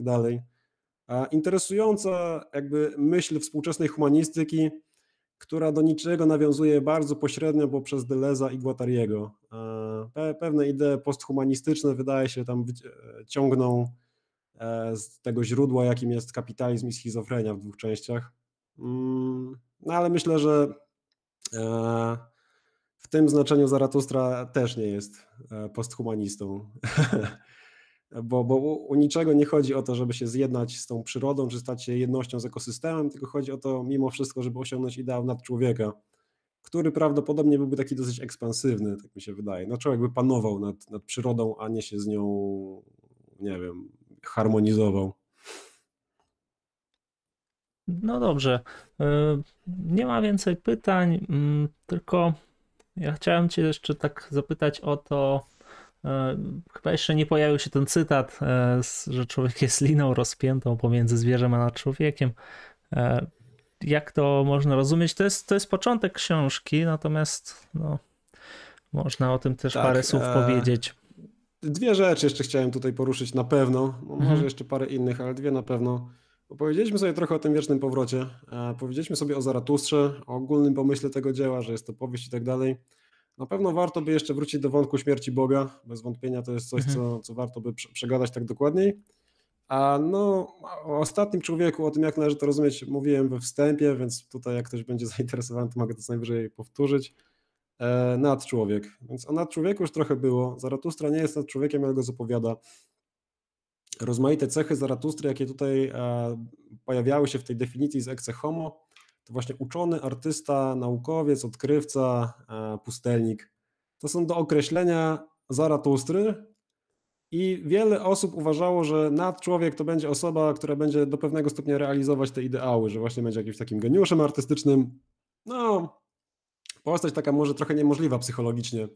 Jednocześnie wspaniały wojownik, wódz hordy, ale też też właśnie tam uczony, święty, artysta, no taki powiedzmy prawdziwy człowiek renesansu, e, to jeszcze rozwinięty w każdym kierunku.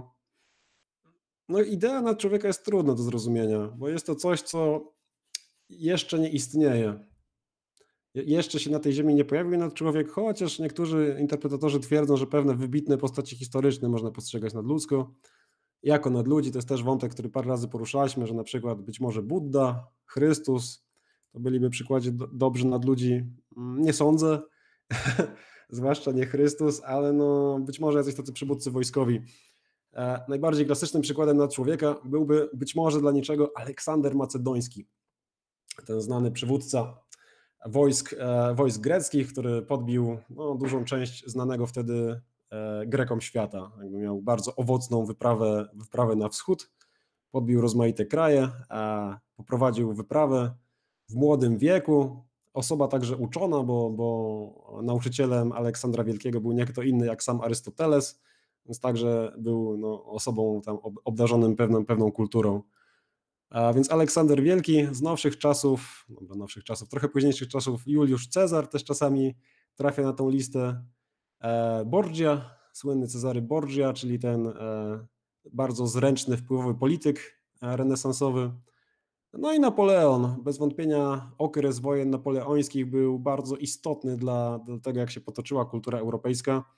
Dla wielu, dla wielu myślicieli, dla wielu intelektualistów to, że Napoleon jakby mógł tak, jedna osoba, nie? jedna osoba mogła tak przemienić historię, to było, to było coś niesamowitego. Wydaje się, że Wydaje się, że przykład Napoleona inspirował pewne, pewne rozważania Dostojewskiego, które pojawiają się na kartach jego powieści. No i analogicznie e, mógł zainspirować e, niczego. Więc jeden z takich sposobów myślenia o nadczłowieku to jest właśnie wyobrażenie sobie takiego wielkiego dowódcy wojskowego z przeszłości. E, no tylko, że kiedy myślimy o tym w ten sposób, to kompletnie umyka nam ten wymiar moralny tej idei, a, a jak się wydaje, Nietzsche jest myślicielem mocno zainteresowany moralnością, zmianami, właśnie wartościami, odnową tych takich wartości życiowych. Test wiecznego powrotu, o którym sporo powiedzieliśmy, jest testem o charakterze etycznym. Ma nam pomagać jakby wybierać e, dokonania, których będziemy chcieli wiecznego powrotu. Więc kiedy skupiamy się na tym takim militarnym wymiarze nad człowieka, to, to moim zdaniem zatraca się ta, taka etyczna, e, etyczna doniosłość tej idei. I moim zdaniem, ja jakby idę w, to, w tą interpretację, że nadczłowiek to jest przede wszystkim idea właśnie moralna, że to ma być człowiek. Nadczłowiek to ma być istota, właśnie już nie człowiek, która zbuduje nową moralność w świecie po śmierci Boga. Dokładnie e, tak bym to interpretował. No i połączyłbym jest, te dwie idee. To jest już to hasło przewartościowania wszystkich wartości w no, zasadzie. Tak, tak. E, to się łączy wszystko w jedno. E, wszystko się nie łączyło niczego w jedno, to jest też moja teza, że wielkiej syntezy nie da się tam zrobić, jakby pewne rzeczy jak, jak, się, jak się tak przyciśnie z jednej strony i wydaje się, że jest wszystko uporządkowane, to się potem mhm. znajduje taki ten serię aforyzmów i się okazuje, że wszystko jest na odwrót. Nie, mhm, mhm. nie w sensie te dwie idee się łączą. Tak, tu... tak, ale, ale parę tych takich głównych idei moim zdaniem można pokazać, że się ze sobą łączą mhm. i właśnie uważam, że człowiek jest ściśle połączony z ideą śmierci Boga, dlatego teraz chciałem to poruszyć. Śmierć Boga. I jeszcze pytanie, czy nad człowiek ma narzucać swoją wolę innym, pod ludziom, siłą? Tak on uważał? Tak. No, tak. znaczy, czy ma to robić? E, to jest takie trochę pytanie. Na człowiek ma robić to, co będzie chciał. To po mhm. pierwsze. Jest to projekt wolitywny. Jeśli będzie chciał panować, niech panuje. A jeśli będzie chciał być egalitarnym przywódcą, to w sumie czemu nie? Znaczy, kto mu zabroni? Nie ma żadnego punktu odniesienia względem niego. Jakby nad człowiek sam jest miarą wartości dla swoich czynów. Więc trochę, trochę to znowu pasuje ten Dostojewski, nie? Jest taki znany no wiadomo, bra, bracia Karamazow, kolejna wpływa opowieść Dostojewskiego, Iwan Karamazow tam wymawia te sławetne słowa, że tam jeśli Boga nie ma, to wszystko wolno. Mm. No i to jakoś tam rezonuje z tym niczym, znowu. E, Boga nie ma, bo Bóg jest martwy, wszystko wolno, nie ma Boga, więc nie ma już kryterium tego, co, czego wolno, czego nie wolno, a w zasadzie twierdzi Nietzsche, to kryterium musi się stać, musi być po stronie człowieka to człowiek ma sam stać się kryterium dla swoich czynów. Problem jest jednak taki, że człowiek, czyli my, my tutaj obecni ludzie, jakby jesteśmy za słabi, żeby, żeby to udźwignąć. Nie? Dla nas śmierć Boga jest taką trochę tragedią historyczną. Załamał się ten horyzont wartości, jesteśmy, jesteśmy zagubieni, stajemy się nihilistami. Być może bardziej podoba nam się perspektywa ostatniego człowieka, czyli takiego małego życia pełnego przyjemności zmysłowych. E, no, ostatni człowiek do, dziwnie rezonuje moim zdaniem z jakimś takim hedoistycznym ideałem konsumpcyjnym, który gdzieś tam jest obecny kulturowo. E, no, jakby śmierć Boga generuje pewien proces, ten proces to jest proces nihilizmu. No, no oczywiście, kiedy, kiedy się temu przyjrzy, to wydaje się, że ten proces powinien się zacząć dużo wcześniej, przydaniem zdaniem niczego, więc pewne, pewne, pewne elementy tutaj są właśnie nie do końca spójne. No ale śmierć Boga e, jest jakoś tam związana z tym nihilizmem, nihilizm, czyli proces odwartościowania wartości. No i właśnie, wraz ze śmiercią Boga załamuje się transcendentne źródło wartości, to, co nadawało światu wartość, sens, perspektywę, celowość, wszystkie te kategorie jakby upadają, no i ludzie są zagubieni, generalnie rzecz biorąc. Przychodzi do nich Zaratustra, żeby ich poprowadzić w nowym kierunku, właśnie e, w kierunku, w kierunku na człowieka.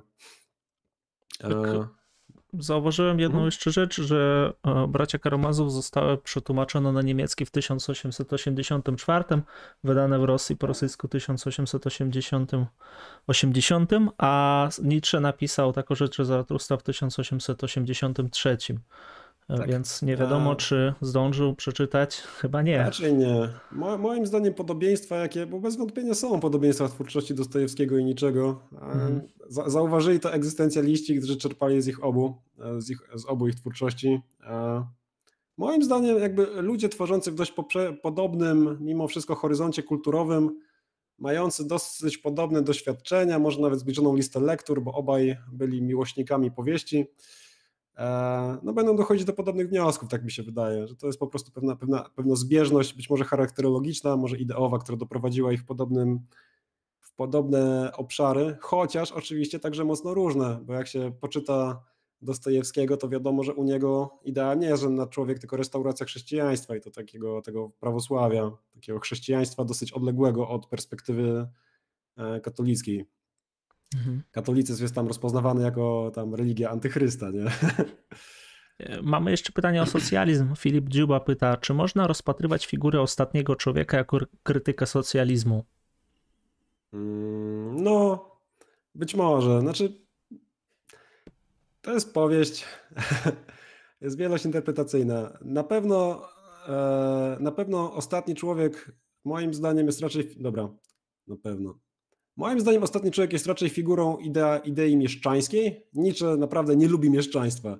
E, mieszczaństwa, filisterstwa, jak on to często nazywa, takie jakieś miałkości, płytkości intelektualnej mieszczan, właśnie ich zorientowania praktycznego, tego, że bardziej ich interesuje świat pieniądza niż świat kultury i sztuki, że wiodą jakieś takie małe, zorientowane praktycznie życia. To mu się za bardzo nie podoba generalnie. To, to, to, to krytykuje z takim du, dużym, dużym dużą emfazą. A jeśli chodzi o socjalizm, to warto by zapytać, jaki, jak, jak, jaką relację można napisać między socjalizmem a mieszczaństwem. Być może socjaliści starają się przekonać mieszczan, że liberalizm jeszcze im nie oferuje pełni, pełni jakiegoś takiego raju mieszczańskiego, nie? że pełny mieszczański hedonizm będzie możliwy dopiero w socjalizmie. E, może dałoby się poprowadzić tego typu analogię, to tutaj to byłaby pod tym względem krytyka socjalizmu, no i bez wątpienia Nietzsche nie, nie wiesza tam, znaczy nie wypowiada ciepłych słów pod adresem idei socjalistycznych, z którymi się spotyka, bo jakby za jego czasów istnieją już młodohygliści. Nie podoba mu się to. Cały ten projekt egalitarny jest bardzo odległy od jego, od jego wrażliwości politycznej, co też e, kolejny z takich paradoksów niczego, że później właśnie, e, właśnie francuska lewica będzie, będzie z tego niczego korzystać pomimo tych wszystkich takich e, no dosyć elitarystycznych zapędów jego myśli, które tam ewidentnie są. Więc też interesująca ta recepcja, że to raczej no sporo tych takich myślicieli o raczej lewicowej wrażliwości, zarówno egzystencjaliści, sartrkami, E, jak i właśnie ci postrukturaliści, raczej ich ciągnie do lewicy, pewnie raczej ich ciągnie do jakiegoś takiego ideału komunitaryzmu czy egalitaryzmu, a tutaj ten Nietzsche, nie? Z tą arystokratyczną ideą po prostu e, no, przemiany wszystkich wartości, zmiażdżenia słabych i tak dalej. No te, te, te rzeczy moim zdaniem niekoniecznie się dobrze komponują, chociaż były rozmaite próby połączenia tego, albo mhm. wyciszenia właśnie tych takich arystokratycznych e, elementów. Pytanie jeszcze było, czy Nietzsche kiedykolwiek spotkał się z Dostojewskim, to ja mogę powiedzieć, że nie.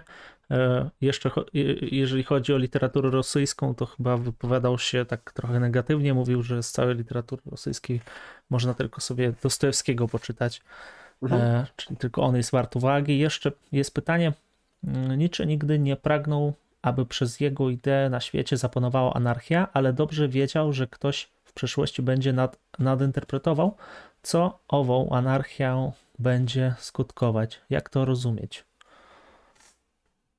Mm, to jest kolejny raz pytanie o tą anarchię. Ja już trochę, trochę o tym tu powiedziałem, mm -hmm. nie chciałbym się tak, powtarzać, tak, tak, więc tak, może powiem to z takiego trochę innego, e, więc powiem może z takiego trochę innego tego, innego zacięcia. E, jedna z głównych debat, jakie rozgorzały w ramach e, wokół niczeanizmu po śmierci niczego, to było pytanie o związki między Niczem a Stirnerem. E, Max Stirner, anarcho-indywidualista, młodohegelista, dość ważny powiedzmy dla anarchizmu, chociaż oczywiście także kontrowersyjny. Być może ten taki najbardziej klasyczny anarchizm znajdzie się raczej u Prudona. I u Prudona ten anarchizm ma, jak się wydaje, taki wymiar emancypacyjny, właśnie, że ma no tam zniesiemy państwo generalnie, to, to ludzie się naturalnie uporządkują w bardziej egalitarnym, sprawiedliwym społeczeństwie. Powiedzmy, że chyba, chyba to jest taka pobieżna, ale w miarę bliska rekonstrukcja tej idei. E, no to ten anarchizm prudonowski niczego by odrzucał. E, też twierdząc, że po prostu gdybyśmy znieśli państwo i ludzie wróciliby do takiego stanu bezpaństwowego, to, to zapanowałaby, zapanowałby jeszcze większy podział społeczny, silni rządziliby słabymi, ale to dobrze, nie? Ale to dobrze, że, że, że okej. Okay. Pod tym względem jakby są właśnie takie, można by moim zdaniem ciągnąć u niczego takie wątki antypaństwowe, że być może państwo chroniłoby słabych przed silnymi, no i to słabo generalnie. E, no, ale debata właśnie o wpływie między Stirnerem a, a Niczem dosyć mocno rozgorzała w trakcie dosyć, dosyć wczesnej recepcji niczego. Bo ludzie, którzy czytali sobie powiedzmy taką rzeczy Zaratustry, a potem przerzucili się na jedynego i jego własność, dostrzegali tutaj jakieś takie podobieństwa duchowe, które znów, e, jak w przypadku Dostojewskiego, wydaje się, że e, są trudne do udowodnienia. Nie wiadomo, czy Nietzsche znał twórczość Stirnera. I, I ta debata przycichła z uwagi na to, że nie dało się, że nie dało się jej rozstrzygnąć. E, nie wiadomo, są niewielkie poszlaki, że czytał, może nie czytał. Więc nie, nie da się stwierdzić, czy, czy jest jakaś taka zależność między, między myślą Stirnera a niczego. Jest to nierozstrzygalne, więc jakby debata przycichła. No jeszcze było pytanie o, o posthumanizm. Hmm. Przepraszam, że tak wchodzę z tymi pytaniami. Nie, no pewnie, pewnie. Dobrze. Radek Gładkiewicz. E, czy na człowiek będący źródłem nowej postchrześcijańskiej i post e, postnihilistycznej moralności to ma być jednostka, czy raczej kategoria? Hmm, to jest dobre pytanie. E, to jest typ idealny tak bym chyba to określił. To jest pewien wzorzec, nie platońska idea, ale wiem, bo dobra, bo wzorzec też takie słowo, czy idea też takie wieloznaczne słowo. No niemniej jakby nawet przyjmując taką dosyć łagodną jakąś wersję rzeczywistości, żyjąc w kulturze, żyjąc w kulturze napotykamy pewne wzorce. E, kogoś, kogoś mam, naślado, kogoś, kogo mam naśladować. To może być przykład, może być wielka postać historyczna, albo to może być na przykład ideał rycerstwa, albo, albo przedsiębiorczości, żeby był taki jakiś bardziej współczesny. To, to myślę, że nad człowiek ma być czymś takim. E, ideałem, jakby, do którego się dąży, E, no pytanie, czy kiedyś faktycznie ci nadludzie pojawią się na Ziemi, te fizyczne osobniki, nie? że będą chodzić po Ziemi, po ziemi nadludzie. Nie wiem, czy można u niczego znaleźć odpowiedź. E, na pewno część badaczy, zwłaszcza mniej przychylnych niczemu, uważa, że on coś takiego sądził, w sensie, że, że faktycznie uważał, że, e, że, nadejdzie ta rasa nadludzi, która jakoś tam nie wyewoluuje na przykład z ludzi. Nie, nie wiem, czy da się niczego, niczego tak dookreślić. Czy nie dałoby się po prostu twierdzić, że to jest pewien ideał, do którego warto aspirować, ale wszyscy jesteśmy w tej sytuacji Zaratustry, nie? że tylko zapowiadamy nad człowieka, mówimy, kim to mu, czym mógłby się charakteryzować, dążymy do tego, żeby się wydobyć e, z, e, z, tam, nie wiem, z kondycji ludzkiej, ale sam nad człowiek jakby to będzie taka, niczym horyzont, będzie taka wiecznie oddalająca się granica. To byłaby taka trochę jakby obniżająca pewien poziom, tam, nie wiem, historyzmu, czy tam historycznego dramatyzmu interpretacja. E, no dobra, no jeszcze tutaj jest um, pytanie o darwinizm. Młodza Kąska pyta, a czy nie jest to darwinizm, e, selekcja naturalna do doprowadzenia na człowieka, zwycięstwo siły? E, bardziej to tak zwany darwinizm społeczny, tak bym powiedział. Sam, sam Carol Darwin, czy tam sam Charles Darwin chyba miał takie dosyć altruistyczne poglądy, o ile go dobrze kojarzę, i chyba był takim dosyć miłym, empatycznym człowiekiem. Niemniej e, wśród e, jakichś takich filozofów inspirujących się myślą Darwina można natknąć się na nazwisko Herberta Spencera, e, no, interesującego myśliciela brytyjskiego, który zrobił wielką karierę za swojego życia, a następnie został dosyć szybko zapomniany. Idee darwinizmu społecznego rezonują, rezonują jakby moim zdaniem dość dobrze z myślą niczego. No i to jest wątek, który podchwycą jego, e, jego, jego, jego interpretatorzy powiedzmy z nurtu, z, nurtu narodowego socjalizmu czy z nazizmu. Bo, bo po prostu ta, tam to dosyć szybko zostanie połączone, że mamy nad człowieka u niczego, mamy, e, mamy darwinizm społeczny, ideę hodowli ras, rasę lepszą, rasę gorszą, jakąś tam aryjską mitologię, tak dalej, i tak dalej. A, no i nazizm. Nie? Więc te idee jakoś tam rezonują, parę rzeczy zostało połączonych. E, Nietzsche chyba zdawał sobie sprawę z idei teorii ewolucji, ale ona nie jest jakimś tam horyzontem dla jego myślenia. Chodzi mi o tą tam ideę tak zwanej selekcji naturalnej poprzez tam, no, no, no że gatunki, no, nowe gatunki wykształcają się w wyniku mechanizmu selekcji naturalnej. E, no, prawdopodobnie kojarzą tą ideę, ale to absolutnie nie jest wyznacznik dla jego filozofii a jest dla, dla filozofii Herberta, Herberta Spencera i darwinizm społeczny kojarzyłbym raczej z tym drugim nazwiskiem, mhm. nie, nie, z niczym. Chociaż tak, on to, może podobnie brzmieć momentami. No tutaj właśnie zauważyli też w komentarzach, że a, Nietzsche właśnie krytykował tą ideę, e, czy teraz sekundę. Jest wiele dowodów, że selekcja naturalna e, przejmuje zachowania stadne. I chyba Nietzsche to wiedział, nie pamiętam gdzie, ale krytykuje teorię Darwina współpracy. E, typu... Tak, jest, jest parę fragmentów, w którym krytykuje darwinizm. To, to pamiętam, też chyba nawet jakieś tutaj czytałem tam na pierwszym spotkaniu. E... No, to myślę odpowiada to pytanie. Dobra, jeszcze może tak na zakończenie, bo już myślę, że się robi trochę późno, będziemy powoli domykać. Mm -hmm, to, to powiedzmy jeszcze coś o tej śmierci Boga. Najbardziej dramatyczna idea. Na zakończenie to co najlepsze, nie? Więc jak to rozumieć? A o, o co chodzi z tym śmierć Boga, Bóg umarł, Bóg jest martwy. Takie trzy, trzy wersje tego zdania. E, interpretacja wyważona, do której ja się przychylam, e, sugeruje, że jest to rodzaj takiej historiozofii, tak byśmy powiedzieli, czyli filozofii historii. Oświecenie, epoka, która wydarzyła się trochę przed niczym, epoka triumfu rozumu, nauki, racjonalnego wyjaśnienia, to jest także epoka, w której jak się wydaje, wiara staje się niepotrzebna, że w każdym razie idea Boga staje się niepotrzebna do wytłumaczenia kosmosu. Dokładnie tak można powiedzieć. Oczywiście analogie tego, czy jakieś tam poprzednie wersje występowały już wcześniej, ale w oświeceniu e, jakby taki pogląd, że Bóg nie jest do końca potrzebny do, do rozumienia wszechświata, nabiera mocy. Bóg staje się, można powiedzieć, zbędną hipotezą. E, no jest ten taki znany cytat, e, tam nie wiem, to jest legendarna opowieść, nie, nie wiadomo na ile one są prawdziwe, ale tam chyba Napoleon ma pytać tego wybitnego uczonego Laplace'a, E, że dlaczego tam nie ma w twoim systemie Boga i Laplace odpowiada, że a, ta hipoteza nie jest mi do niczego potrzebna. I Laplace tutaj jako taka ta kanoniczna, czy tam taka paradygmatyczna postać oświeceniowa właśnie twierdzi, że idea Boga nie jest już do niczego potrzebna. E, no i w tej takiej łagodnej interpretacji tej, tej twórczości oświecenie to jest pewien proces historyczny, proces, który już się dokonał. My żyjemy w epoce właśnie już pooświeceniowej. No i wraz z oświeceniem nastąpiła śmierć Boga, czyli Bóg stracił swoją moc jako idea e, regulatywna, coś tego rodzaju. Jakby przestał być punktem odniesienia dla, dla nauki, dla wyjaśnienia świata, ale także dla kultury i moralności. Ludzie jakby dojrzeli do tego, żeby już nie myśleć, żeby myśleć już bez Boga, że Bóg już nie jest potrzebny, żeby zrozumieć fenomeny moralne, żeby zrozumieć to, czym jest kosmos, żeby wytłumaczyć, kim jesteśmy. Mamy jakby alternatywne wyjaśnienia, ten, ten Bóg wypada z równania. A, no i umarł, nie? czyli stracił moc kulturową. To jest łagodna interpretacja, taka najbardziej wyważona i też uważam, że e, najlepiej jest tak myśleć o tej idei, czyli śmierć Boga to jest taki powiedzmy trochę clickbaitowy tytuł na, na nudny tekst o oświeceniu, nie?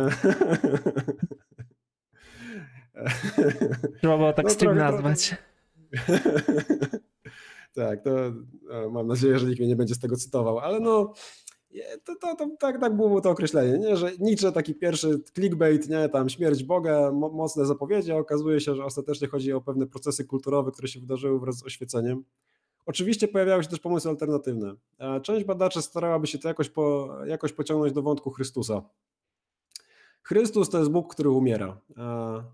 Oczywiście bogowie wielu, wielu religii, zwłaszcza politeistycznych, umierają, E, i odradzają się, no to jest dosyć regularny, powiedzmy taki motyw mitologiczny, no ale niemniej e, w przypadku chrześcijaństwa mamy jednak do czynienia z monoteizmem e, i śmierć Boga jest dziwacznym wydarzeniem, właśnie jednym z tych takich być, być może tajemnic wiary, że Bóg staje się człowiekiem, ale nadal jest Bogiem i ten Bóg człowiek umiera na krzyżu, a potem oczywiście zmartwychwstaje. Więc śmierć Boga być może tutaj miałaby podkreślać właśnie taką śmiertelność Chrystusa. Ja wiem, że to jest też wątek, który się często pojawia w tych takich nowszych interpretacjach heglizmu. Tam się często podkreśla właśnie to, że ten, ten Chrystus umiera na krzyżu, e, że tam chrześcijanie to są coś prawdziwi ateiści. To, to, rzucam teraz takie hasła, ale generalnie można napotkać takie interpretacje. I, I część jakby tych badaczy osadzałaby tego niczego w jakiejś tej takiej tradycji heglowskiej, jako myśliciela, który e, wyciąga ostateczne konsekwencje jakby ze śmierci Chrystusa na krzyżu i to Chrystus ma być tym Bogiem, który umiera. Moim zdaniem to jest naciągane i to heglizuje jakby interpretację niczego. To nie jest, wydaje mi się, dobry trop, no ale jakby się pojawiają takie, takie pomysły. A, no i trzeci, jakby najbardziej szalony trop, też się można spotkać w takich tekstach, czyli interpretacja teologiczna, e, czyli że Bóg faktycznie kiedyś istniał, nie? faktycznie był Bóg, ale, ale umarł z powodu tego lub, lub innego. A, no jakieś takie dziwne teologie, które starają się jakoś uporać z tą zagadką. Znam to tylko z jakichś takich opracowań. Prawdę mówiąc, nie czytałem żadnego teologa śmierci Boga, ale, ale kiedyś planuję, bo czasami lubię takie, takie dziwne klimaty. Niemniej, gdyby, e, gdyby, gdyby kogoś zapytano na egzaminie o śmierć Boga, to, to polecam udzielić tej pierwszej odpowiedzi. Czyli chodzi o pewien proces kulturowy, który zaczął się przez oświecenie, związany jest właśnie z triumfem nauki, racjonalnego wyjaśnienia świata. Można opowiedzieć tą anegdotkę o Laplacie, słynnym naukowcu, który podobno odpowiada Napoleonowi, że w jego, w jego systemie opisu przyrody nie ma Boga, bo to, ten Bóg nie jest mu do niczego potrzebny, nie? nic nie wyjaśnia. Dobrze, to ja może jeszcze zapytam kilka rzeczy z komentarzy, dlatego że trochę się to nas zbierało. Mm, było pytanie, czy to, co mówi e, Zaratustra, to myśl niczego? E, No, biorąc pod uwagę, dobra, Zaratustra to jest bohater literacki, Zaratustra też ma pewne przygody. Rozmawia z orłem i wężem, swoimi dwoma zwierzętami, o którymi chyba ostatecznie nic nie powiedziałem. Może następnym razem jeszcze wrócimy do wątku mhm. tych zwierząt. E, już dzisiaj nie, nie, chcę w to wchodzić. E, w dużej mierze, kiedy wypowiada się Zaratustra, to twierdziłbym, że, że, że to są wypowiedzi samego niczego, czy że Nietzsche się dokonuje takiego insertu, jak to się czasami mówi, w przypadku chyba fanfików, nie, że tam autor fanfika dokonuje insertu, czyli podstawia się ze swojego bohatera, nie, no to Nietzsche dokonuje insertu, e, podstawia się do tego Zaratustra, a też czasami się w niektórych tekstach podpisuje jako Zaratustra, czasami też się podpisuje jako Dionizos, to już zwłaszcza w późnych latach swojego życia, czy w późnych miesiącach swojego życia. Ale no, do pewnego stopnia Zaratustra i Nietzsche są moim zdaniem w obrębie tej filozofii wymienne, chociaż oczywiście, kiedy się uwzględni tego historycznego Zaratustra, związanego z tą perską religią, no to absolutnie już nie można stosować takiej podmiany. Mhm. E, dobra, to może jeszcze, jeszcze kilka pytań. E, tak, tak. E, jakie znaczenie mają listy e, zakupów wśród notatek do woli mocy? Czy na człowiek nadal będzie robił zakupy? Haha. Mm, nie wiem, jak do tego się odnieść. Dalej Wola bym... mocy to jest... Dobra, Nietzsche miał taki tak pracował filozoficznie, że generalnie notował na kartkach, pojedynczych kartkach, których całe takie sterty zbierały się na jego biurku. Potem brał zbiór tych kartek, jakoś to tam układał, no i powstawała książka, nie? Zwłaszcza jeśli to był zbiór aforyzmów, to dosyć łatwo można by sobie wyobrazić, że po prostu można to wziąć, trochę tam uporządkować i, i wydać.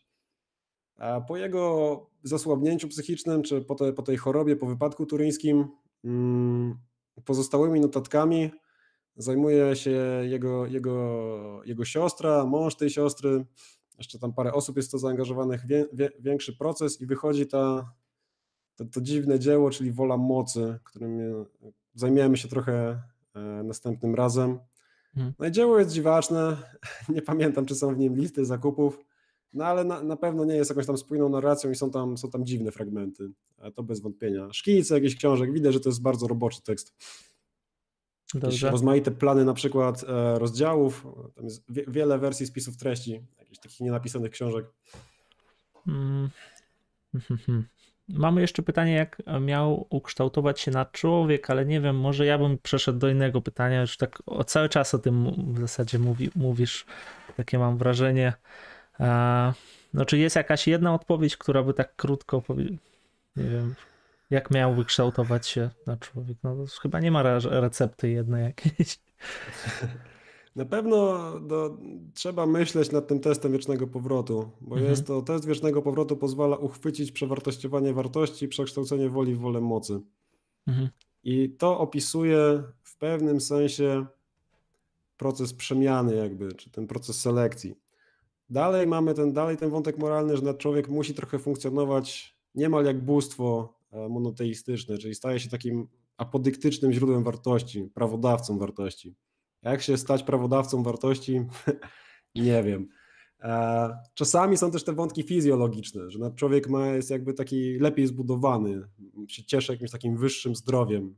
Jak to osiągnąć? Nie wiem. Znaczy, kiedy są takie wątki, to nie, nie, do końca wiadomo, czy można zostać nad człowiekiem, jakby stosując odpowiednią dietę i chodząc dużo na siłownię. Nie? Prawdopodobnie nie. Chociaż być może w toku wielu generacji, nie, właśnie w toku jakiejś takiej hodowli ras i tak dalej byłoby to możliwe. Może w przypadku zastosowania jakichś takich technologii transhumanistycznych, nie, jakimś tam CRISPRem sobie wstawić jakieś dodatkowe geny. Nie wiem, no to, to jest taka czysta fantazja w zasadzie i spekulacja. W każdym razie u niczego nie ma jednoznacznej recepty na to, jak dojść do kondycji nadludzkiej. Tak. A czy możemy w ogóle mówić o moralności nad człowieka, biorąc pod uwagę, że immoralista Nietzsche wyróżniał dwie moralności panów i niewolników? Mm, no, ale moralność panów i niewolników nadal stosuje się do kondycji ludzkiej. A to są kategorie, które opisują, e, opisują jakby rozmaite także historyczne ludzkie kultury. Nad człowiek raczej byłby po stronie moralności panów, e, ale moim zdaniem tak jak pan jest nad niewolnikiem, tak, tak na, na, człowiek byłby nad panem, nie? On byłby jeszcze wyżej. E, tak, tak, tak. Tak, są, e, są, jest o szczoteczce zębów mm, za boost, nie wiem, tam coś o szczoteczce, o szczoteczce zębów było w woli mocy. E, natomiast no mm, nie wiem, czy ty coś takiego widziałeś tam? Że, no, ty co? no dobra, to nie jest ważne też tak że pół żartem. Zapiszę sobie, może, może to znajdę, ale nie kojarzę Dobrze. fragmentu o szczoteczce. E, czy można odczytywać niczego w kluczu agnostycyzmu? Czemu nie? Generalnie rzecz biorąc, Nietzsche zrobił karierę w rozmaitych dziwnych miejscach. Chyba też kiedyś o tym wspominałem, że w Polsce na przykład teksty i komentarze do niczego można znaleźć na portalu racjonalista.pl. Co jest dość zaskakujące, bo, bo Nietzsche chociaż e, jakby do, docenia czy, czy podkreśla historyczny, historyczny sukces oświecenia tej formacji kulturowej, nie? której udało mhm. się jakby odrzucić Boga, to, to, to ma też wiele negatywnych słów pod, pod adresem oświeceniowców. Niezbyt mu się, im się ta formacja podoba. E, to, to jest dokładnie proces, który opisuje w Zmierzchu Bożyszcz, że wraz ze śmiercią Boga inne jakby idee próbują wskoczyć na jego miejsce. Jedną z pierwszych idei, które próbuje tam wskoczyć jest nauka, no ale to będzie kolejny, kolejne bożyszcze, które upadnie, że po śmierci Boga nastąpi śmierć nauki, e, może też analogiczna jakaś śmierć państwa, nie wiem, prawa, tam, nie wiem, komunizmu. Roz, rozmaite, rozmaite idee można, można starać się, mogą starać się wskoczyć jakby na, na to miejsce naj, najwyższe nie? W, hier, w, w, hierarchii jakichś takich bytów e, determinujących moralność. E, więc e, no właśnie, ten wątek racjonalisty, bo racjonalista jest też portalem, który zrzesza agnostyków i ateistów. Nie mam pojęcia, jakie Nietzsche faktycznie miał poglądy na religię. E, I to tak, tak, tak, tak naprawdę nie wiem. Po tych tekstach trudno jest coś wnieść. E, nie sądzę, żeby był. E, nie sądzę, żeby był klasycznym teistą. Myślę, że to można odrzucić. Nie, nie, wiem, nie, nie wiem, czy był ateistą, nie określa się tak, więc interpretacja agnostyczna na pewno jest dopuszczalna i być może też opisuje dobrze jego własne stanowisko. Hmm. E, dobra, jeszcze kilka pytań. Adam, widziałeś serial Netflixa, którego jeden odcinek jest poświęcony Nieckiemu? Jeżeli tak, to co o nim myślisz? Ja powiem, że to jest bardzo słaby odcinek w mojej opinii. Który serial? E, znaczy, jest odcinek o filozofach Mark Nietzsche, Marx, Nietzsche i jeszcze A, ktoś tak. tam był. Jacyś tam mistrzowie podejrzeń albo mistrzowie nowoczesności, nie? Tak, e, chyba tak. A, no właśnie. Coś takiego. Tak, Freud. Freud był. chyba tam też jest. Tak, no i trzy e, odcinki. Tak, ogląda... No. Oglądałem to. Wydaje mi się, że jest Marx, Freud, Freud i Nietzsche. Mhm. Dziwny dobór w ogóle mistrzów nowoczesności, moim zdaniem. E, no ale dobra, to raczej tacy mistrzowie podejrzeń. Częściej chyba od Paula Rickera wzięło się to określenie i moim zdaniem jest trochę lepsze. Tak. E, no, oglądałem to. Nie, nie jest najlepsze. E, no, ale to jest też takie popularne. No, jakby e, ma moim zdaniem jakieś tam pewne walory. Fa, Tutaj fajnie, piszą, że, ge, że to się nazywa geniusze nowoczesności. A, A geniusze nowoczesności. W świecie, Kiedyś świata. to oglądałem. Ja też to oglądałem, też nie, ale do, ja pamiętam, że tam najbardziej takie rzeczy, takie hasełka pojawiają się no, i są jakieś takie wątki biograficzne, coś tam. Nietzsche tutaj w tym miejscu, w górach wymyślił to pojęcie. Wow. I taki, tak, wszystko jest budowane w takim wow efekcie trochę. Spróbuję obejrzeć na następny raz, to bo się odniosę na świeżo. A... Dobra, zapisałem sobie. E, czy według niczego wszystkie pojęcia moralne pochodzą od pojęcia długu i bycie winnym? Uuu, tutaj taka teza z Davida Grabera, widzę, antropologiczna. Nie sądzę. Mhm. E, odpowiedź jest e, nie wiem, raczej nie. Tak z wysoką asercją nie. Dobra. No ja myślę, że to tyle będzie. Już, już nie będziemy więcej przedłużać. Może ja ostatnio. No, już, już dwie tak, godziny. Tak, tak, już dwie godziny. A Dziękujemy za Wasze pytania, dziękujemy za wszystkie uwagi. Może ja jeszcze, może jeszcze Ci ostatnie pytanie zadam. Mm, tak, tak mi się przypomniało mm, o tym, nie pamiętam co myśmy powiedzieli na streamie, to chyba był pierwszy stream, pytali dużo o nihilizm. E, czy samo słowo nihilizm e, pojawia się u Jakobiego, natomiast Turgeniew to podobnie rozpowszechnił e, w swojej znanej powieści Ojcowie Dzieci. Czy Nietzsche rzeczywiście zapożyczył to od Turgeniewa? Nie wiem, czy to jest... Mhm. E, o, to jest bardzo szczegółowe pytanie. Możliwe. Mm, mhm. Chociaż wydaje mi się, że słowo nihilizm w jego czasach już funkcjonuje w, także w języku niemieckim. Ja czytałem numer Kronosa o nihilizmie i tam pamiętam takie rozmaite szalone teksty, że takich trochę, trochę, trochę dziwnych myślicieli, jakoś tam tworzących w szerokim pojęciu w paradygmacie kantowskim. Mhm, mhm. e, musiałbym to sprawdzić. E, nie jestem pewny, czy właśnie jakby asymilacja tego pojęcia będzie bezpośrednio Turgieniewa, czy pośrednio przez jakiegoś autora niemieckiego lub francuskiego. Mhm. Bo no, Turgeniew był znany w Europie, był czytany. Tak. E, jeszcze czytałem, że Nietzsche, Boże, nie pamiętam, ale on miał związek właśnie bezpośredni z tą, e, nie rodziną Turgieniewa, ale tam chyba jakaś e, e, kobieta była w jego życiu, która była związana jakoś z Turgeniewem, ale nie pamiętam kto to był. No w każdym razie to, to jest... No to jest ta chyba tak. kobieta, która się tak. pojawia w niczego i ona też, tak. ona też była aktywną osobą, która mhm. znała wiele takich znamienitości swojej epoki. wielu artystów. no. No to, to ciekawa sprawa. A, nie wiem, no po, pojęcie nihilizmu na pewno kluczowe dla niczego. No tak, że się trochę nim zajmiemy następnym razem, mm. bo też chciałem trochę więcej powiedzieć o tym nihilizmie. Dokładna, dokładne przejście tego pojęcia od jednego do drugiego myśliciela to, to nie, nie, nie, nie, teraz nie odpowiem. Dobrze, dobrze. No to ja, ja to też sprawdzę jeszcze sobie. To ja dziękuję wszystkim, którzy nas oglądali. Dziękuję Tobie przede wszystkim, Adam.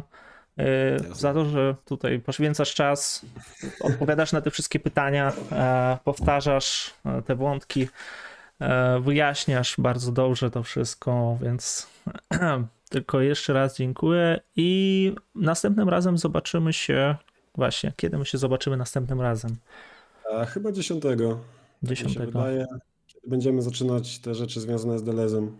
Aha, aha, no dobra, to jeszcze Ale będzie. Może wcześniej będę sobie coś oglądał jako, jako tam widz, nie? Jasne, jasne. No chyba, że my ciebie tam gdzieś, gdzieś zaprosimy na jakiegoś streama na dwa słowa. E, dobra, dobra. A kontynuacja niczego? To już będzie. A myślę, że. E, bo tak. E, kolejny piątek to jest święto, więc odpada. Mhm. E, jeszcze w następnym będziemy mieli te, tego dziesiątego. no rozpoczynamy przygodę z Delezem, więc chciałem się do tego przygotować. Więc e, do niczego wrócimy 16, czyli w połowie kwietnia. Jasne. No to ja tylko e, tutaj przy okazji zapowiem, e, że będzie tak czytanie Deleza faktycznie 10 my się spotykamy. Będzie jeszcze zapowiem gościa później, to będzie taka niespodzianka, ale będzie, będzie bardzo fajnie, także zaczynamy. Będzie wstęp do czytania Antyedypa, e, Deleza mówię, Deleza Guattari.